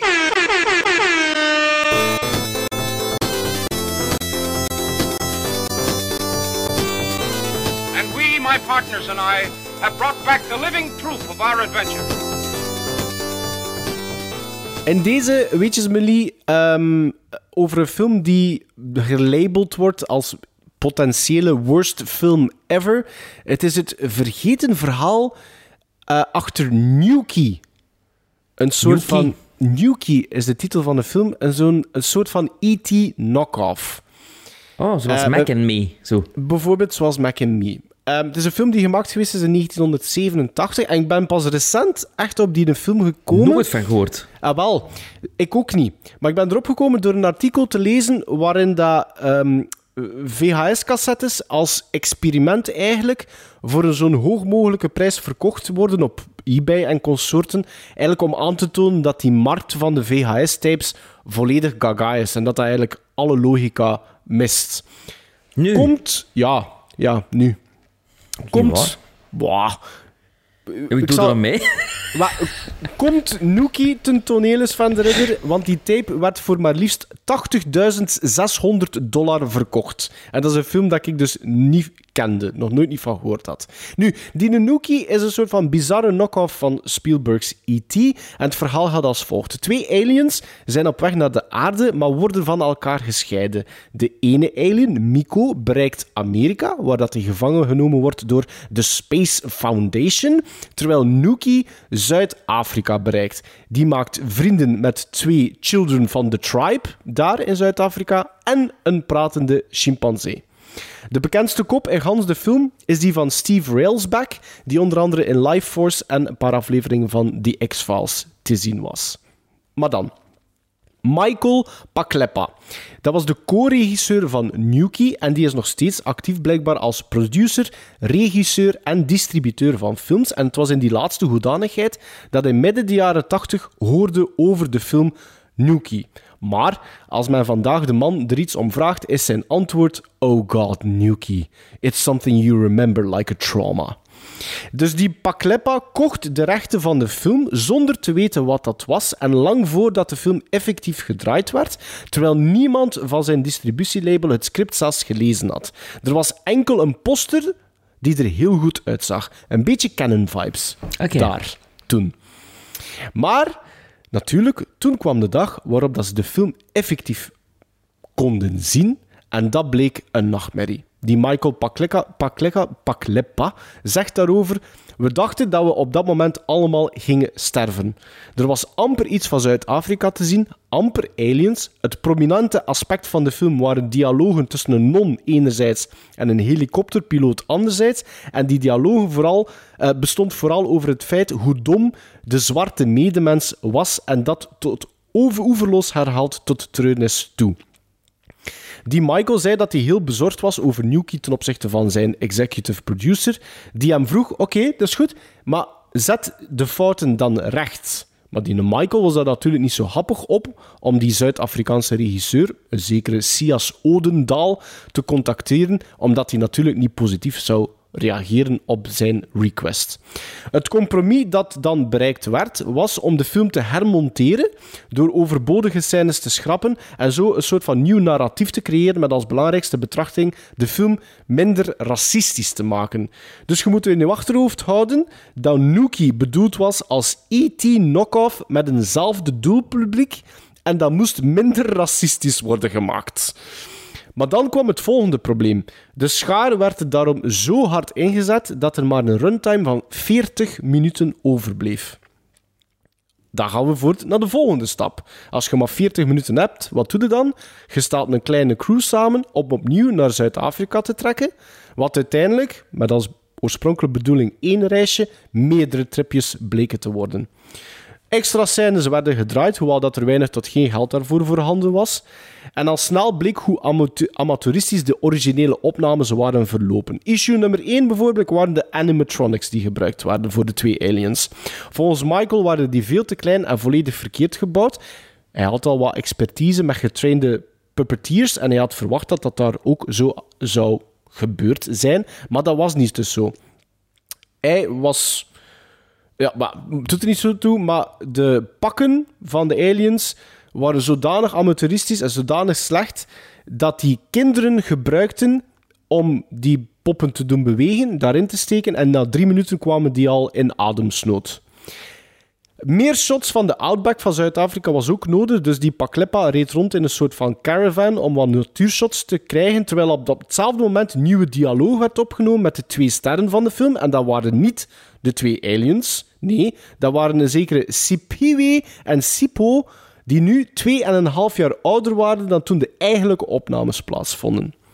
Dus je had problemen met draaien. En had ook problemen met de postproductie. En vooral dan met de special effects. Want de studio die werd ingehuurd bezorgde hen een paar shots. En verdween van de ene op de andere dag. Omdat die beloftes hadden gemaakt die ze niet konden waarmaken. En eigenlijk schrik hadden om vervolgd te worden. Maar niet zonder eerst al het geld te incasseren en dan gewoon met de noorderzon te vertrekken. Waardoor dat budget voor de special effects eigenlijk op was, net zoals de rest van het geld eigenlijk, maar die film was nog altijd niet af. Want wat dat misten waren wat exteriors van dat Space Foundation gebouw, wat toch een belangrijk deel van het plot was. Wat gebeurde er? Wat gebeurde er? Die Michael Paklepa belde een zekere Gregory met de vraag: Kun jij, maar, kun jij mij wat shots van sky, skyscrapers bezorgen? Nu, de eerste shots die die Gregory bezorgde, allemaal out of focus. De tweede reeks shots, allemaal zwart. En een derde reeks shots heeft hij nooit niet gekregen. Last, last, last, last, last minute ontmoette die Michael een enthousiaste cameraman in het lab, eh, laboratorium in Berlijn waar dat de film ontwikkeld werd. Die vond dan ergens in Duitsland, of waarschijnlijk in Berlijn zelf, een locatie die dienst kon doen als zijnde Amerikaans. En na drie uur kwam die terug met de shots die nodig waren en Michael heeft die man nooit meer teruggezien. Uiteindelijk spendeerden meerdere mensen maar liefst negen maanden van hun leven om Nuki vertoonbaar te maken, hoewel dat ze dachten alles op minder dan drie maanden te kunnen klaren. En volgens Michael was hij ervan overtuigd de slechtste film ooit gemaakt te hebben. Dat was ook een beetje waar, want zijn eigen distributiebedrijf weigerde een theatrical release te doen, waardoor Nuki straight to television ging, maar daarna wel verkocht werd naar 26 landen en dus recent een VHS-tape voor 80.600 dollar op de markt ging. Ja, maar voor het goede doel, hè. Het was, ja, het was een experiment en het, is inderdaad, het, het was een experiment Ja, om te kijken hoe dat ze de Het was prijs Big konden Red Letter opdrijven. die erachter zat, volgens Ja, mij ook, hè. Het is inderdaad... de- YouTube-kanaal, ja. Klopt, dus de, de, de opbrengsten zijn, zijn, zijn effectief naar een goed doel gaan, maar dat was, maar dat was nooit niet gecommuniceerd. Dus de bedoeling was eigenlijk om aan te tonen dat die markt niet klopt. En dat was een initiatief volgens mij van de Big Red Letter Media, hè? Of hoe noemt die? eh, Dat zou heel goed Dat is dat ja. YouTube-kanaal die bekend geworden is met die Phantom Menace... eh, Klopt. Review van twee uur of, of audiocommentaar Ja. of zo. Ik, ken, allee, ik heb dat nooit helemaal gezien, maar... eh, Ja. dat is wel een Maar. Nuki, ik had daar dus nog nooit niet van gehoord. Ik ook. Ik ook, ik ook niet, maar eh, ik denk dat, wil niet, die ook dat, niet dat niet zo uitzonderlijk Nee, het staat niet op mijn watchlist. Ik wil hem hebben op VHS, maar ik kan er geen 80.000 voor betalen natuurlijk. dat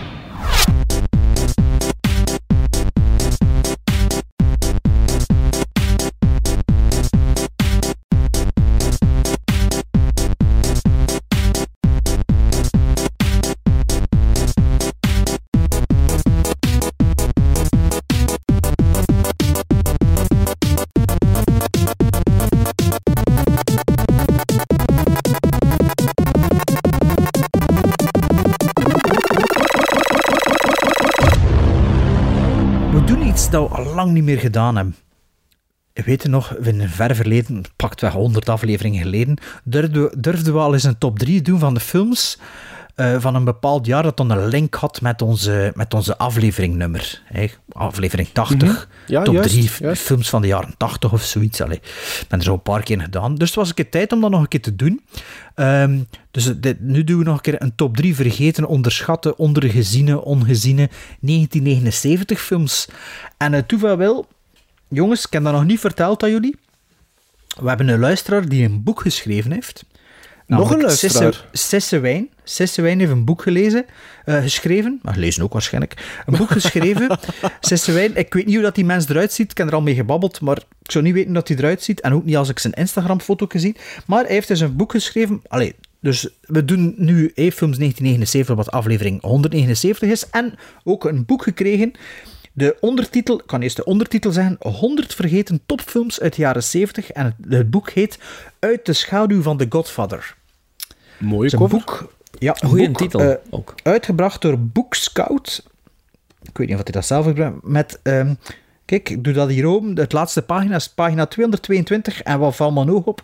In de dank, bedanking, Gremlin Strike Back Film Podcast. Ja, Oh, ik moet toch cool wel eventjes eh, mijn verontschuldigingen aanbieden, ook aan, eh aan de Sisse, want eh, hij had gevraagd of dat ik een voorwoord wou schrijven, maar ik ben daar niet toe geraakt.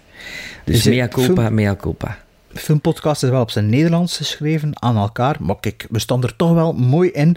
Met boven ons Far Out magazine en onder ons Irish Examiner. Maar kijk, eh Sisse Wijn heeft dus ons een, eh, een boek eh, gestuurd. En ehm, ja, zoals met toen dat we de getekende eh Zack Gillian, Gillian of noemt hij een brave man van Gremlins? Billy, zijn ja, ja. Ja, zijn gesigneerd dingen verloot hebben, gaan we dit boek nu onder ons drie verloten. Hè. Eh, de luisteraars die kunnen, die, ehm, kunnen die bestellen op www.boekscout.nl als ze hem willen. Ehm, ik heb er al een keer in, in, eh, gebladerd en eh, het is interessant. Het is, Allee, dat is dikke proficiat kan niet zeggen dat ik ja, ik kan niet zeggen dat ik alle films ervan, dat ik nog geen enkele film ervan kende, maar er staan er wel tussen die ik eh, nog niet kende. Dus eh, het is leuk om te lezen. Het is zo typisch, een, een pagina of drie, vier per film en dat zo een beetje van die weetjes hebt. Hè. Dus, wie van ons drie wint uit de schaduw van The Godfather? Ik zal even de roulator aanzetten. De rollator. Dus hier ingevuld Sven Maarten Bart. En het boek gaat naar, het stopt niet naar Maarten, want die had de vorige keer al een poppetje gekregen. En ik zou hem ervan tussen moeten halen. Maar nee. Maar het is aan het lopen, wacht. En het stopt en het is voor... Ja, voor mij. Dank u wel. Dank u wel, Sissewijn. Het is, eh, het is voor mij. Ah, kijk, je heeft zelfs gesigneerd, kijk. Ah, staat er iets in Ja. of is het gewoon puur... Er staat zelfs voor Bart, dus je wist het. voor Bart, veel leesplezier. Bedankt voor de leuke quotes en sorry voor het uitbreiden van de watchlist. Sisse. Dat Dank is, u wel, dat is heel Sisse. fijn dat, dat iemand... Ik denk niet dat de bedoeling was dat het verloot werd, want mijn naam staat erin. Nee, je hebt er tegen gesproken, maar je weet niet meer wie dat is. Dat vind ik heel Ja, maar fijn dat jij dan dat ik- boek hebt. Ik ken tenminste mijn woord gehouden en geen voorwoord geschreven. Ja, ja, dat is waar. Sorry maar nog eens, jongens, Sisse. eh, nee, nee, nee, nee. Maar, Maar ik Sisse, apprecieer het Sisse, wel enorm. Sis- Sisse Wijn eh, is een man naar ons hart, want hij heeft eigenlijk drie boeken opgestuurd. Dus eh hij krijgt ook nog zo'n boek, dat ligt bij mij thuis. Ah, Super lief, dankjewel Sisse. Dus Fantastisch. Sisse Wijn uit de schaduw van de Godfather. Dus daar net eh, Jeffrey Van Hoven zijn segment. En wel, eh, de Sisse Wijn nu zijn segment. Dus top 3 vergeten, onderschatte, ongeziene 1979 films. En kan zien op Letterboxd dat ik er maar 9 gezien heb van 1979. Dus het was voor mij nog een moeilijke taak geworden. Maar eh, ik moet niet beginnen, maar Sven mag beginnen. Dus eh, Ja. wat is uw nummer 3? Wat een jaar ook, hè, 79. Het beetje de, ja, ik vond het eh, een overload aan films waar ik van dacht, ja, ja, het is een goed jaar, maar, maar, de, de, de, een goed de jaar. titel, ja, maar de titel van het segment is, is Vergeten, Onderschatten, Ongezien. Ah, ik, ik heb er echt maar 9 gezien of zo. Zo zag ik op Letterboxd. Want Ah, ik nee, heb ik heb er veel gezien, omdat dat, is- dat is En- de uitloper van de jaren 70 en het begin van de jaren 80. Hè. En ik heb er dus op IMDb op het jaartal gezocht. Ik heb de eerste 500 in popularity doorscrolld voor inspiratie op te doen. En het was echt, ik heb er echt, veel gezien. Ah, ik Ja, heb er echt- veel gezien uit de jaren. En ik denk dat ik beter. Er drie heb dan gekozen, ik. drie heb gekozen die terug meer aandacht mogen krijgen van mij. Dat is de opdracht. Voilà. Op 10, sorry, op 3. op 10. ja, maar op 3 staat de film 10. Sorry. Dus 10. van Blake. Edwards. Een film Ah. met Dudley Moore, Bo Derek, Julie Andrews, Robert Webber, Dee Wallace en Brian Dennehy. Nu, waar gaat 10 over? Ehm, een beetje naar analogie van eh 8,5 van Fellini. Hè. Gaat 10 over A Perfect 10. Een vrouw die alles zei, die een perfecte 10 scoort. En Dudley Moore is ehm een componist die in een midlife crisis zit eh, met zijn vrouw Julie Andrews en die verliefd wordt op Bo Derek. Maar hals over kop verliefd is zelfs zichzelf niet meer, weet niet met zijn eigen woorden. Die vrouw is ongelooflijk. Het probleem is, die vrouw is juist getrouwd met iemand. Maar hij zei, ja, dat is voor mij de perfect ten. Eh, hoe, hoe ga ik hiermee om? Een beetje, niet echt een komische film. Er zitten komische momenten in, maar het is eigenlijk een tragicomisch verhaal. Blake Edwards, de regisseur, is ook de man van Julie Andrews. Eh allee, was ook de man van Julie Andrews. Dus het is een... eh, wa- waarschijnlijk een, ja, ook een beetje autobiografisch op, op een of andere manier. Eh, Julie Andrews speelt ook de vrouw van Dudley hele, hele typerende jaren 70 film, waar dat ook misschien dingen inkomen die nu niet meer in films zouden mogen komen. Bijvoorbeeld hoe hij Bo Derek beschrijft. En Bo Derek die uit de zee komt gelopen met een natte t-shirt. Ah, is dat? Ah, is dat, bekend komt shot? dat uit die film? Oké. Ja, ja. Of, of was dat van James Bond? Nee, dat is echt... Derek heeft film. geen James Bond gedaan. Ah, maar ja, ja, maar Nee. die foto dacht ik altijd dat dat een of andere Bond-girl was. Ja, zo, eh, zo- het, het, het is een beetje Ursula Andrews-achtig. hoe Ah, dat Ursula Andrews, komt. ja, ja, ja. Maar eh, het is... met, ten. die, met die dingen, hè, met die vlechtjes zo, Ja. hè? Ja, Ja, dat komt daaruit. film. Ja. Ah, Ten, dat, op ken, drie. dat kennen we ze. Oké. ehm, Maarten, wat is uw nummer drie? Ehm, ja, ik heb, ik heb op nummer 3 een film van 1 uur 23 minuten gekozen van regisseur David Cronenberg. Eh, namelijk The Brute. En wie speelt er in The Brute, Sven? Ik Oliver zag, Reed. ik zag dat Oliver die, Reed. ik, ik zag dat hij in, in 1971 nog een andere film had, daar had ik nog nooit van Fast gehoord. Company. Had Ja, ah, wel, dat is een beetje het, het, het, het rare aan, aan het, begin, de, eh, allee, het begin van de carrière van regisseur David Cronenberg. Want hij had al Rabbit gedaan, hij had Shivers Ja. gedaan. Dan had hij meegewerkt aan tv-reeksen, dacht ik, een paar. En dan inderdaad Fast Company, wat dan een sportdrama blijkt te zijn. Ik heb die zelf ook nog niet gezien. Ja, ja, ik heb dat ontdekt vandaag. En dan begint hij er weer aan. Dan, dan heb je de Brute, dan heb je de video... Nee, dan heb je de Scanners, dan heb je de Videodrome. En dan ken je het palmares. Eh, de Dead Zone is daarna. Dus dat is een beetje... Maar het is een beetje de odd one out, inderdaad, hè, van David Cronenberg, Fast Company. Ehm, maar ik kan er verder niks over zeggen, want, want niks over, zien. Maar dus in The Brute zit Oliver Reed als male lead, maar ook Art Hindle. Je hebt Samantha Egger en onder andere ook Henry Beckman in de andere rollen. Waarover gaat de, de Brute? Dat gaat over een man die de onconventionele ehm, therapieën van een psycholoog ehm, onderzoekt eh, omdat zijn vrouw in behandeling is bij die man. En als eh, overkoepelende eh, verhaaltje is ook dat er een reeks moorden ondertussen aan het gebeuren is. De Brute is vooral gekend omdat er zijn een ja, door de twist op het einde vooral. En er zitten ja, body horror elementen in. Waar dat... Ik heb hem nooit gezien, The Brute. Dus ik een- ook niet. Nee, ik vind dat... Ik vind dat, ik vind dat Maar ik ben ook niet zo'n grote David Cronenberg ja, nee, eigenlijk. maar jullie alle twee niet, denk, denk ik. Hè? Nee, Nee. Sven al sinds niet van Videotro. Nee, ik vind The Fly nog wel altijd een van de beste horrorfilms Nou, ooit The gemaakt. Fly is goed, Ja, maar ja. ik vind De Dead veel Zone, van die... Sven, de Dead Dead Zone, eh, vind ik zou ook hij ook... Ja, dat dacht ik wel. Ja, dat vind ik cool, Ik vind, ja. dat ook, ik vind dat nog altijd een ondergewaardeerde en miskende film, eh, de Dead Zone. Maar The Brute is zo'n... Een, early... Ja, als je... Het, denkt die Fast Company weg en inderdaad, dat, dat rolt gelijk een, de trein. Je hebt Rabbit, je hebt Shivers, je hebt dan dit, je hebt Scanners. De Brute wordt wel ook aanzien als een soort van... oh, hoe moet ik het zeggen? Een soort van film die een gateway heeft gemokt voor Friday the 13th en, en Nightmare on Elm Street. eh, qua, dat Halloween niet zijn. Ik, ik, ik begrijp, ik begrijp Nightmare begrijp ik iets beter dan Friday wel. Ja, ja, maar ik bedoel... Halloween is niet zo graphic als The. Het schijnt. The Brute is heel graphic, schijnt. hè? Ja, maar ja, het is een Cronenberg-film. Rabbit Ja. en Shivers hadden dat ook al. Hè. Dat was veel grafisch en veel meer allee, on-screen violence ook. Ja. Ehm, maar The Brood heeft, heeft ik, vind- ik vind dat wel een tof tempo hebben. Oliver Reed, ja, wie, wie kan er iets tegen Oliver Reed hebben? Ehm, de, de, de film die Samantha Egger speelt dat ook goed, vind ik, eh, als female lead. En het heeft een paar disturbing scenes. En, en zo'n, ja, ja, ja, typische Cronenberg-elementen. Nee, als je er niet voor zijt, ga je ook waarschijnlijk The Brood geen fantastische film vinden. Maar ik vind dat wel een vergeten film. Allee, dat, dat, een vergeten film ondertussen. Dus daarom op nummer drie, The Brood. Eh, mijn nummer drie is een film van Gary Weiss. En Gary Weiss die heeft heel veel werk voor Saturday Night Live gedaan en Saturday Night Live alumni. Als in zo eh, eh, Dan Aykroyd live shows geregisseerd slash gecapteerd. Dat is een beetje zijn voornaamste IMDb-credits. Maar in 1979 is er een film uitgekomen van een uur en zeven minuten. Ehm, een documentaire film van zijn hand. Ik heb die film gezien op 28 februari 2013. Weet ik, dankzij Letterboxd. Ik heb die film wel geen sterren gequoteerd, want toen deed ik dat nog niet. Ehm, welke documentaire is nu? Het is 80 Blocks from Tiffany's. Dat zeggen jullie waarschijnlijk niet. Ik weet ook niet hoe dat ik die film ooit gezien heb. Is dat wel volledig op YouTube? En 80 Blocks from Tiffany's is een documentaire en eigenlijk echt een, ja, een tijdsdocument van, van toen.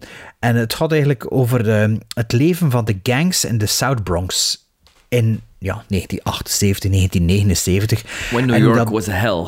ja, waar- waarbij dan er eigenlijk twee gangs, de ene Puerto Rico en de andere eh, African Americans. The Warriors. De Savage, de Savage Girls versus de Savage Nomads. En effectief, dat, moesten, niet, moesten Warriors niet van hetzelfde jaar zijn, de pijzen, het komt allemaal daaruit. Want die man en allemaal zo van die jasjes aan met van die, van de Hells Angels zo opgenaaid en zo.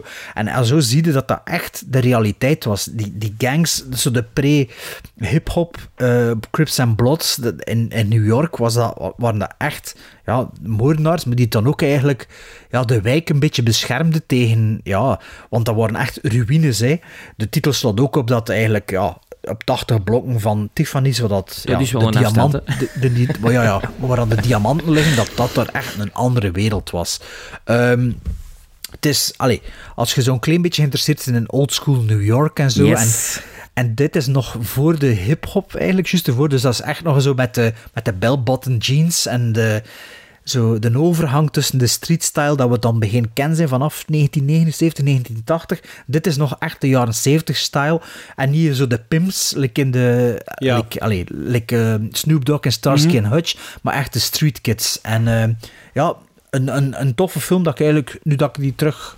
allee, dat die terug in, in, mijn, eh, in mijn vizier was, dat ik dacht, ja, eigenlijk moet ik dat wel nog een keer zien. En met dat dat volledig op YouTube staat, dat maar Ja, een uur duurt. Leuk, leuke addition op de Ja. watchlist. Ja, 80 Blocks from Tiffany's kunnen niet veel verkeerd mee doen. Misschien dat het halverwege wel gezien hebt, maar eh, het is echt een, eh, een South Bronx eh, ja, tijdscapsule.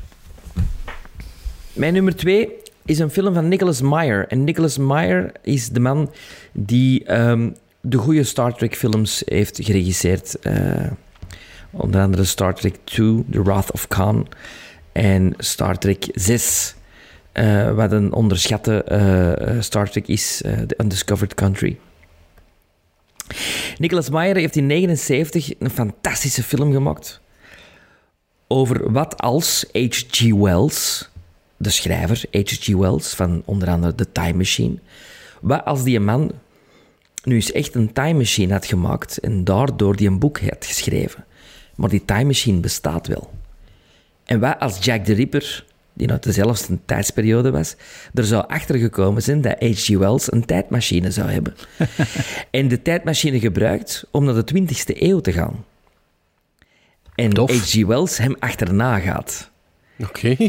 Fantastische Marty! fantasyfilm, ja, eh, uit 79, waarin David Warner Jack the Ripper speelt, Malcolm McDowell H.G. Wells en Mary Steenburgen the love interest. Ja, Time mooi. After Time. Back to the Future. Ah nee, nee. Ja, de drie. Ja. Ja. Time After Time. Echt een goed vergeten filmpje. Toffe premisse. Mooi. Het eerste probleem is dat, dat ik nu al direct vind... De, Ah zei- ja, ik weet, ik zie die poster voor me. Ik weet het. Ja. Jij- zegt, horloge, David Warner als eh, Jack, Ripper. Ripper. en ik ben direct verkocht. Maar ik vind Malcolm McDowell gepaard met David Warner vind ik precies Malcolm McDowell, As You've Never Seen Him Before. Ah, Restraint. Ah, Restraint. hij stond zelfs op mijn watchlist, kijk. Hij stond en, op. en, en een Nerdy. Ja? H.G. Wells met een brilletje. Echt waar. Mo. Niet de Malcolm McDowell die je, die je gewoon zit. Ah, dat, ja. dat, ik, ik, ik- ben er wel ja, benieuwd naar nu. Ja, ook dat is een goeie. fantastische, fantastische score. Ook. 7,1 op 10 op IMDb Amai. zelfs, dus. Ja. Of, maar vergeten. Ja, misschien moeten die... Zie, dat zijn zo van die films dat je misschien een Dat- keer moet in moet een... dat onthouden. Ja, voor de cult, cult exotisch. Ja. Onthouden. Noteert dat ergens. Ja. Eh, op nummer 2 een film van 1 uur 47 minuten met eh, Isabella Gianni en Klaus Kinski in de hoofdrollen. En ik heb het over de remake eigenlijk van Nosferatu uit 1922 van F.W. Murnau.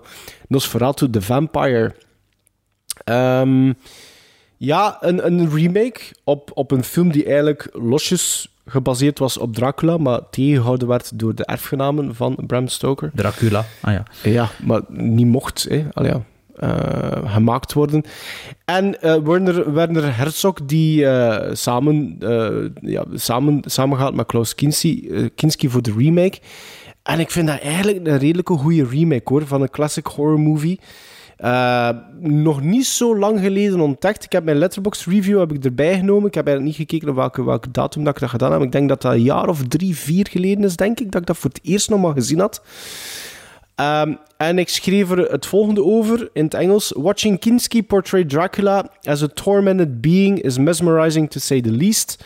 Herzog's very distant and observatory, observatory way of telling this famous story works quite well, but a lot of the middle part of the film, maybe not surprisingly the scenes without Kinski, feels somewhat rough and oddly paced. Dus het is geen perfecte film voor mij, alhoewel dat ik dat toch denk ik een 7 of misschien zelfs een 7,5 op 10 gegeven heb.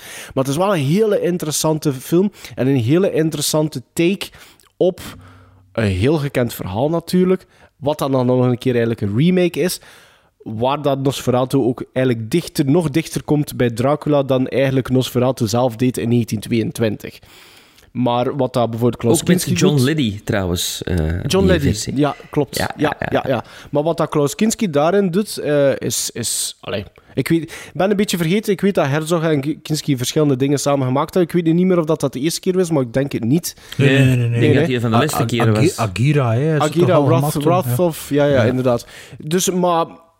Ja, weet je, als, je, als mensen denken aan vampierenfilms, en dan is meestal Bram Stoker's Dracula, eh, of misschien Dracula van Bela Lugosi, niet dat ze dat ooit gezien hebben, maar dat ze dat weten van Stills. Dus daarom vind ik wel deze remake ook een vergeten de- ik of heb ongeziene film zelfs. Ja, ik heb die als kind eh, vaak gezien, omdat die toen veel op de Nederlandse tv werd vertoond, omdat er een groot deel van de film zich afspeelt in Amsterdam. Eh, Ja. Ah ja, juist. Ja, ja. eh, dus ik had nog nooit de, de eerste versie gezien. Die heb ik nu dit jaar voor het eerst gezien, eh, omdat ik die prachtige Eureka-editie heb ge- gekocht. Eh, maar ik vind beide films echt wel heel goed. Ik ben heel benieuwd nu naar de derde remake van dit verhaal. Wat die de met Nicolas Cage bedoelde nu? Nee, dat, nee, nee, dat, dat is Renfield. Hè. Maar je hebt Ja? dus de Nosferatu werd nageremaked. Ah, eh, door Robert Eggers. eh, Ja, ja, ja, ik ook. Ja, voilà, Ik was juist het zeggen, iemand die je kende. Oké. Eh, mijn nummer twee is de Palme d'Or-winnaar van, ja, van dat jaar of van het jaar ervoor, wie zal het zeggen. Maar naast de, de Palme d'Or werd dat jaar ook gewonnen door Apocalypse Now, maar het was niet Apocalypse Now, ze hebben hem mogen delen. De film heeft ook eh, de Oscar gewonnen voor beste buitenlandse film dat jaar. Ik heb de film gezien op 26 juli 2013. De eerste keer dat ik hem gezien heb, de laatste keer, allee, de recentste keer dat ik hem gezien heb. Het is een film van de regisseur van een film die Sven volgens mij uitstekend vindt. Een film van 2014, Diplo Diplomacy. Die heb ik nu juist uit een batch eh, ja. met onze Halloween special eh Ah, ja, ja. gekregen. Maar die, die wil Ah. ik wel zien. Ah, ik dacht dat hij die al gezien had. Nee, het is nee. een film van Volker Schlondorf. Schlondorf, ja. Schlondorf, Volker Schlondorf. Een film van 2 uur en 22 minuten. De blikken trommel, de, die blechtrommel, eh, de tin drum. Alle twee gezien? Alleen jullie hebben die alle twee gezien? Ja. Ehm, dat is een film met onder meer Mario Adorf, David Bennett en Angela Winkler. Ehm, kan ik er even de synopsis voorlezen, want ik, ik, ik wist er niet meer zo heel veel van. En nog altijd niet eigenlijk, weet ik nog oh, gewoon een beetje de algemene sfeer, weet ik nog zo'n beetje. Uh, Gdansk, 1924. De kleine Oscar is van bij zijn geboorte een vreemd kereltje. Hij was liever niet geboren, want de wereld bevalt hem helemaal niet. Toch verlangt hij ernaar om zo snel mogelijk drie jaar te worden. Dan krijgt hij van zijn moeder een blikken trommel. Op die dag besluit Oscar om niet meer te groeien en laat zich van de trap vallen. Oscar blijft inderdaad klein en verstoort met zijn trommel en zijn hoge stem, waarmee hij glas kan breken, het leven van de volwassenen. Door zijn opengesperde, angstige kinderogen volgen de opkomst van het nationaal socialisme en de catastrofe van de oorlog. Ik weet niet of er spoilers zitten of niet, het is te lang geleden. Het, het, het bestrijkt redelijk wat van de film, inderdaad. Maar, ja. ja. maar het is een beetje, als ik me goed herinner, een soort Toto Hero, Jojo Rabbit-achtig ja. uh, verhaal van, van destijds. Um, kende die film eigenlijk vooral van de Quality Film Collection in de Mediamarkt, met die opvallende stil die erop stond. Had die heel veel zien liggen. Ik wist niet goed wat dat was, die film, maar ik heb die dan ooit een keer in de bibliotheek gehuurd en uh, bekeken. Ik denk niet dat ik hem in mijn collectie heb. Uh, ik zal een keer in de rommel en de kringloopwinkel moeten oppikken.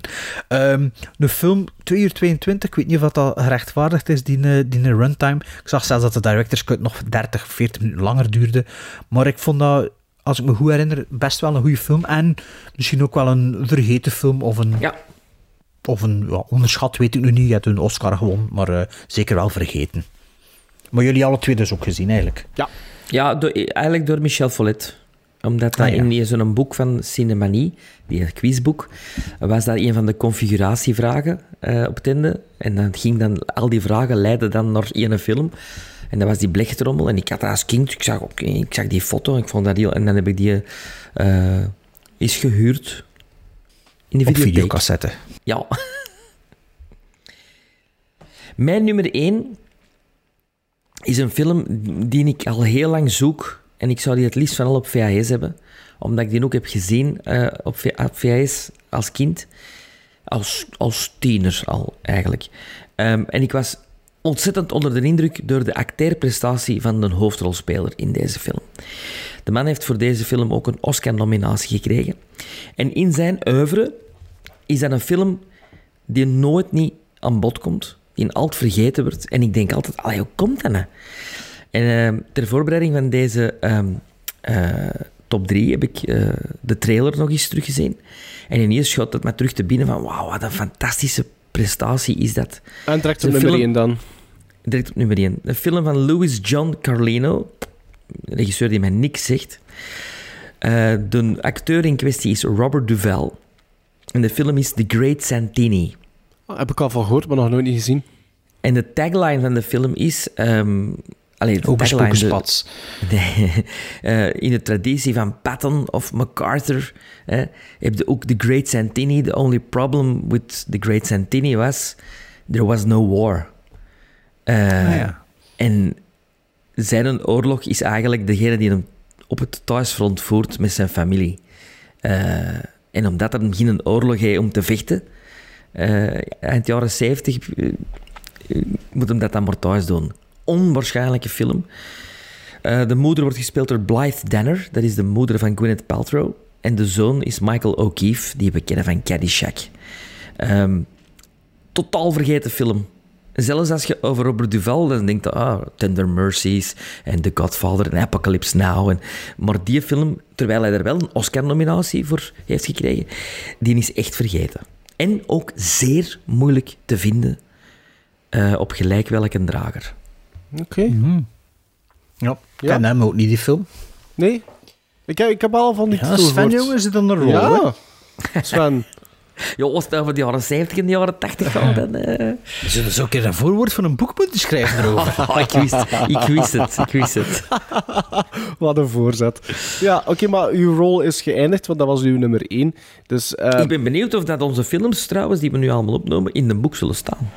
Ah, dat wel interessant. Ik nog niet gekeken. Ik ga, maar ze een keer, ik ga ze een keer opnoemen, de ja, film Sven, van 71. Sven was on een roll. Ik eindig met misschien wel een anticlimax, want mijn nummer 1 was Bart zijn nummer 2. Ik heb de Tin Drum heb ik op uh, nummer 1 gezet bij mij. Want toen dat ik uh, herontdekte dat dat een film van 1979 was, dacht ik direct van oké, dat is zeker een, een kanshebber voor, eh, voor de top 3. En ik weet dat ik die film ooit op NPO, denk ik, gezien heb. De eerste keer dat ik dat, de Tin Drum gezien heb, was dat op Nederlandse televisie. En ik was daar eigenlijk toen te jong voor. Maar ik, vond, ik wist toen nog dat dat... Weet je, kijk, over dat Nederlandse tv spreekt, ik, in, mijn hoofd is dat lange tijd een beetje zoals het zakmes geweest. Kende die Ja, tv-serie, die ja. kindersfilm nog? Ja, Sven, je zit te jong, uit de oud. Dat, die stil, dat op die dvd staat, die me altijd denken aan het zakmes. Maar Ah, oké. los, los daarvan, kleine anekdote. Ik heb die film dus gezien als, als kind. ehm, en ik was natuurlijk te jong. Maar hetgeen dat ik daar wel toen nog van wist, is dat die, de visuals, dat dat, dat, dat dat hele mooie beelden heeft. Dat hele sterke visuals. Ik zie dat, dat manneke nog altijd onder de rok, want die zit ook heel vaak onder de rok van zijn moeder. Eh, dus dat zag ik nog voor mij. En dan, als volwassene, is dat een van de eerste Arrow Blu-rays dat ik gekocht heb. Dus ik heb die, die, die, die is door Arrow uitgegeven. ik heb die dan... door Arrow? Ja, ja, ja. Maar in de Arrow Classic dan of zoiets, hè. Of de... Ah ja, de... Academy. Ja, ja, Academy, ja, Academy. Ja, de Woody Allen eh dinges, ja. Ehm, ja, dus eh, en ik heb die toen herbekeken en ik vond dat, ik vond dat, dat is echt wel een goede film. En ik vind die met twee uur twee- niet te nee, lang, ik vond, nee, nee? ik vind van niet. Ook omdat dat, dat is een heel mooi tijdsbeeld en dat speelt hem af over verschillende periodes. En dat, ehm, hoe moet ik zeggen... beetje, voor- een beetje dat Zwijse bandachtig ook, hè? Wat, wat ik nog een klein beetje kan Dat heb je aanvullen... niet gezien, zeker, hè, dat Zwijse band? Nee. Nou, dat is toch anders. Wat hè? ik nog een Maar- klein beetje kan aanvullen Cool. op hetgeen dat Bart heeft gezegd, is dat dat, dat is zo'n beetje een, een, een, een film die zich ja, een beetje, hoe moet ik dat zeggen, afstoot tegen de hypocrisie van, van de volwassenen en, en Op dat gebied misschien wel een beetje dat Zwijse band. ja, en ook, eh, de, de, het is natuurlijk een, een, een, een klaagzang aan de, de, de, de samenleving van toen. Eh, en, eh, dus, maar ik, vond- maar ik, ik blijf dat een hele, een hele goede film vinden. En daarom, in afweging dan van mijn andere twee films, terecht voor mij op nummer 1. Ehm, mijn nummer 1 staat op nummer 1 omdat ik die het recentst gezien heb. Dat ik dat de andere twee is het echt te lang geleden. Ik zei het, ik heb er niet zoveel gezien van, van dat jaar. Eh, het is een film dat ik afgelopen weekend gekeken heb. Ik zag van, ah, dat is een film die ik nog niet gezien heb. Ik heb die hier liggen. Het is van 1979. Laat ons maar een keer kijken. Misschien belandt hij wel in de top 3. het is een film met eh, Wilford Brimley, Jack Lemmon, Michael Douglas en Jane Fonda. Een film van James Bridges van een uur en 22 minuten. Dus de. China Syndrome. Is dat een vergeten film? Eh, ik kende die film. Dat, volgens mij was dat zelfs een blind buy indicator voor mij. Maar kende hij de En heb je nog nooit gezien? Kende dat Titel. zelfs niet. Ik kende het titel. Zo'n Ik- straffe film. Ooit gehoord, maar nooit gezien. Ja, dus eh, de China Syndrome waarover gaat het, gaat eigenlijk over een, een reportage die Jane Fonda en Michael Douglas draaien voor het lokale eh, nieuwsstation over, eh, over de, de wonderen van de, van de nucleaire energie. En ze staan eigenlijk in de in de bezoekersruimte te filmen. En ze zien dat er eigenlijk in de controleruimte iets verkeerd loopt, die dan ja, in de doofpot gestoken wordt en zij, dat zij als journalisten toch wel willen naar voren brengen. Ehm, het is zo'n beetje een film in de ja, jaren zeventig. ehm, Conspiracy onder- toestanden? on- onderzoeks, onderzo- conspiracy slash onderzoeks, onderzoeksjournalistiek. Eh. Al de wa- evenveel, al de, wa- al de President's Man evenveel. Goh ja, pff, body snatchers misschien. Allee, wat, Sven? Ik vind, die, ik vind hem beter dan al die die je opnoemt. Oh, dat vind ik ook niet. Vind ik het niet. vind- Ehm, het Jack goeie Lemmon. ja, Jack, Lemmon speelt goed. Het is een goede eerste act. Maar het middenste gedeelte kak het toch wel in. Ik vind wel dat de derde einde- act ook weer goed is. Het is een goed einde. Het is zeker een goed einde. Eh, ik heb dat 6 of 6,5 gegeven. Eh, maar in het midden is er plots een stuk dat zo wat, mm, wat, wat inkakt. En ik vind Jane Fonda niet zo'n goede lied eigenlijk. Eh, Jack Lemmon ja, speelt ze naar huis, maar... Dat is echt, hè. Eh, en Wilford echt- Brimley speelt ook fantastisch. En ik Eh, vind dat wel een film, als je die ziet, is een film die ik vind dan, ja, mijn kinderen moeten die ook nog zien, vind ik. Dat is een film, als je die ziet, dat je denkt van, damn, je, je denkt toch wel even anders na over eh, ja, en dat kernenergie. hoe- hoe- En- ja, hoe dat er zo verkeerd loopt en hoe dat, dat duidelijk maakt aan de kijker en hoe dat, dat uitgelegd wordt en hoe dat, dat vis- gevisualiseerd wordt. Dat zit allemaal wel heel goed in elkaar. Hè. En het vind ik ook Pre-Chernobyl, hè? Ja, ja, ja, pre-Chernobyl. En dat is eigenlijk wat er bijna uit Chernobyl gebeurd is, als ik het goed door heb. Ehm, nou, echt een meltdown. Hè. Eh, James Bridges had dat ook, was zelf DOP op die film, want ik vond het echt goed gedraaid. Ik dacht, ah, wie had dat gedraaid? zal waarschijnlijk zo een bekende zijn, maar een minder bekende film. Maar uh, je heeft dat dus zelf cinematographer uh, van, van The China Syndrome. Dus op nummer 1, als je die film niet kent, net zoals ik, of alleen maar van titel, net zoals Maarten, maar niet gezien hebt, kun je zeker niks verkeerd mee doen met The China Syndrome.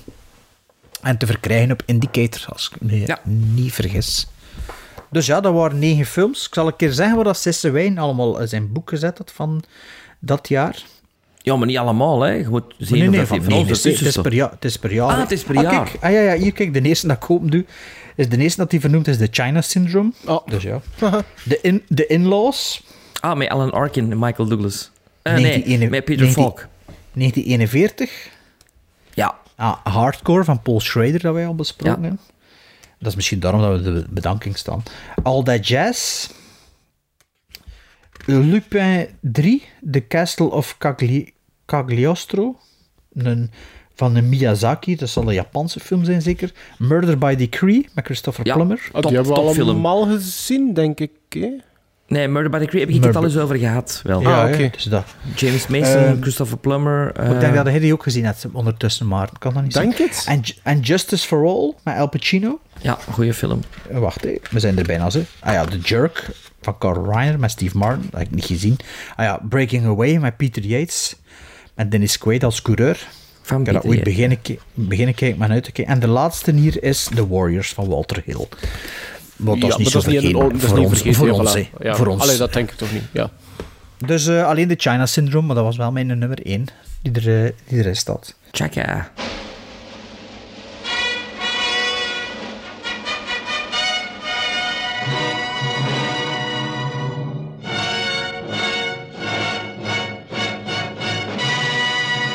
We zijn op het einde van aflevering 179 gekomen en ik moet eerlijk zijn, ik ben er redelijk tevreden over. Ik vond dat een Uh-huh. mooie, dik gespekte episode van de Gremlin Strike Back Film Podcast. En waarom is die, die dat ik moet monteren altijd zoveel langer dan die dat hij moet monteren? Je doet erom zeker? Ik doe daar effectief om, ja, dat klopt. Ja, ja sorry.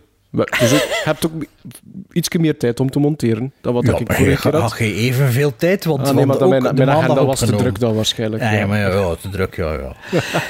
Nu, de volgende kunnen we wel voor de ene keer zoiets het zeggen van 180.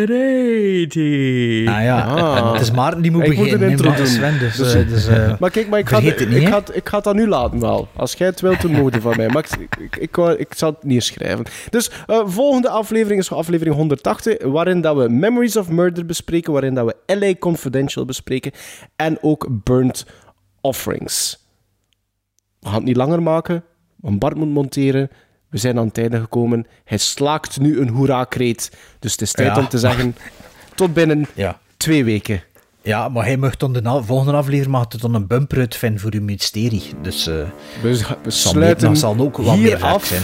want ik wil daar nog niet aan denken. Tot binnen twee weken.